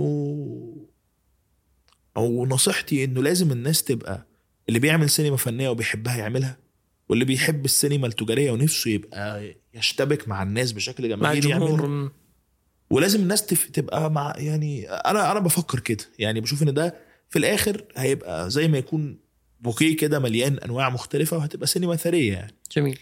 أه بختم معك في موضوع أه أنت مرة تكلمت عن الطمأنينة وإنه من يوم ما صرت تعمل بعيدا عن التنافسية وإنك تربط نجاح الإنسان بما يحققه هدأت نفسك أو هدأت آه، مزاجك كان أهدى. كيف يوصل الإنسان إنه في هذا الوسط المليء بالمخرجين والمليء بالفنانين والمليء بال- بالمشاريع والأفكار الجديدة. كيف يصل للهدوء والسكينة إنه أنت تسوي اللي تبيه بعيدا عن أي تنافس أو أي نقدر نقول غيرة ناجحة ما بينك وبين المخرجين أو أو أي عمل إبداعي يعني؟ هو طبعا بتكون بص هو بصراحة آه، هو صعب جدا لأن عقل الإنسان شرير عقل الإنسان بيبدأ يخدعك أحيانا وكده بالذات في عالم زي عالم السينما أو كده.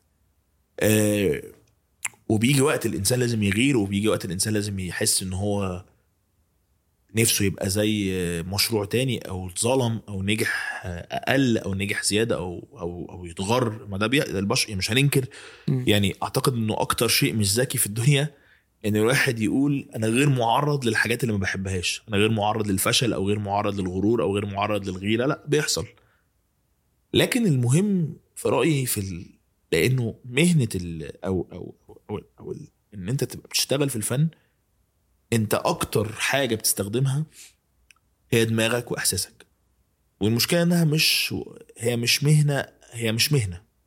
هي عاملة زي ما تكون هي بتكون حياة بديلة غير حياتك اللي بتعيشها كشخص. انت مثلا لو انت بتشتغل شغلانة مكتبية وبتخلص الساعة 3 فعندك حياة تانية. السينما مش كده. انت طول الوقت بتفكر في الفيلم نايم صاحي قايم. صح. فهي بتستنفذ طاقتك. فلازم تبقى انت عارف ان انت الف- الفن ده هو بيتغذى عليك انت. بيتغذى على روحك بيتغذى على مشاعرك. فأكيد وأنا صغير كنت بشوف أه بقيم نفسي بيه جودة اللي أنا بعمله. لما أعمل فيلم كويس أو فكرة فيلم كويسة يبقى أنا إنسان كويس. لما أنا أعمل آه، فيلم مش كويس يبقى أنا إنسان مش كويس. بعدين مع الوقت ابتديت أقدر حاجات تانية. الحياة أجبرتني بقى مع الزمن والسن إن أنا أقدر حياتي الشخصية إن أنا أقدر إنك يبقى عندك عيلة أو يبقى عندك حياة اجتماعية أو أصحاب أو كده. فأول حاجة اتعلمتها إن أفرق ما بين إن أنا مخرج دي شغلان شغلانتي وبين إن أنا إنسان. بحب آكل الأكل ده وبحب ألبس الألوان دي وبحب الأماكن دي وهكذا. وما أكسفش من ده. اتنين إن أنا بالتجربة وده حصل بعد ما بقيت مخرج بشكل احترافي لقيت إنه والله أنا أملك إيه؟ أنا أملك إن أنا أجتهد وأملك إن أنا أواجه الواقع ب... بواقعية وب... وب... وب... وبصراحة وأملك إن أنا أعمل أحسن ما عندي. لما أجي أعمل فيلم لما بالذات لما لما يعني أنا فاكر ان وأنا بعمل ريش عرفت قيمة حاجات كتير قوي في الحياة ومن صعوبة عمل الفيلم وعرفت قيمة مخرجين كتير قوي كنت ببص لأفلامهم بقدر من التبسيط أو السطحية. وفهمت قد إيه دي شغلانة صعبة جدا إنك تعملها وتخرج منها سليم لأنها مهلكة. وده كلام هيفهمه قوي الناس اللي بتعمل أفلام ده مش أي حد هيفهمه. فبقيت أقول لا أنا متعاطف أصلا مع مع كل الناس. أنا متعاطف بشكل عام مع كل حد قدر يبقى جريء وقدر يعمل يقول أنا هنزل أبقى مسؤول إني أصنع فيلم. لكن الأهم من كده إن أنا أدركت مع الوقت إن أنت لا تملك غير إن أنت تعمل الفيلم بأحسن طريقة أنت شايف إنها صح. ولا يمكن تضمن النتيجة لا يمكن تضمن النجاح لا يمكن تضمن الفشل لا يمكن تضمن رد فعل الجمهور لا يمكن تضمن رد فعل النقاد. في الآخر لما أنا أدركت إن أنا لا أملك شيء غير كده قلت خلاص ما أركز في اللي بعمله. وبقى دايما كل ما بتجيلي لحظات شك أو لحظات اللي هو هبدأ أفكر تفكير سلبي أقول خلاص أنا هركز في اللي جاي اللي في إيدي. ودي أحسن حاجة قادر أعملها.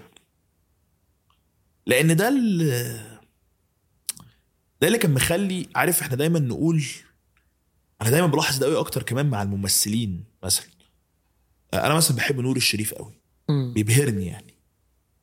لأنه أسلوبه التمثيلي مع في الأفلام مختلف تماما عن المسلسلات. يعني السنة اللي عمل فيها المصير عمل فيها لن اعيش في جلباب أبي. شخصيتين متناقضتين تماما تماماً.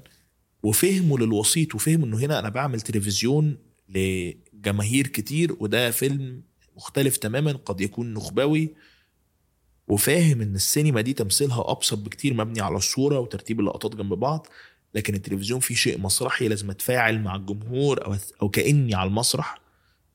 إنك تعرف تفصل وتسوي العملين وينجحون كلهم. مثلا أو مم. كنا نقول إن أحمد زكي كان مبهر جدا في تقمصه للشخصيات أو نتكلم على أنا أكتر يعني أنا ما بحبش أكتر وأقل بس آه، عادي عادل إمام بالنسبة لي يعني top عادل إمام أنا بص هو مش محدش أحسن من حد وكده بس عادل إمام بالنسبة لي أنا بنبهر بإنه قدر يعمل الكوميديا وقدر يعمل الغير كوميديا بال... بالنجاح الصارخ ده.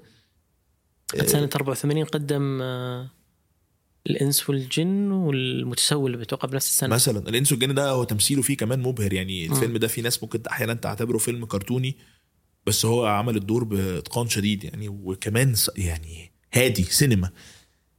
أرجع أقول لك على حاجة بخصوص العصر ده الناس دي ما كانش عندهم social media ما كانش عندهم الشهرة بتاعت آه، الوقت الحالي أو إن الناس عارفة تفاصيل حياتهم أو ال- متابعينك والأشياء متابعين أو- وحياتك اليومية. فكانوا بيعيشوا جوه الشخصيات اللي معمول وينعزلوا معاها.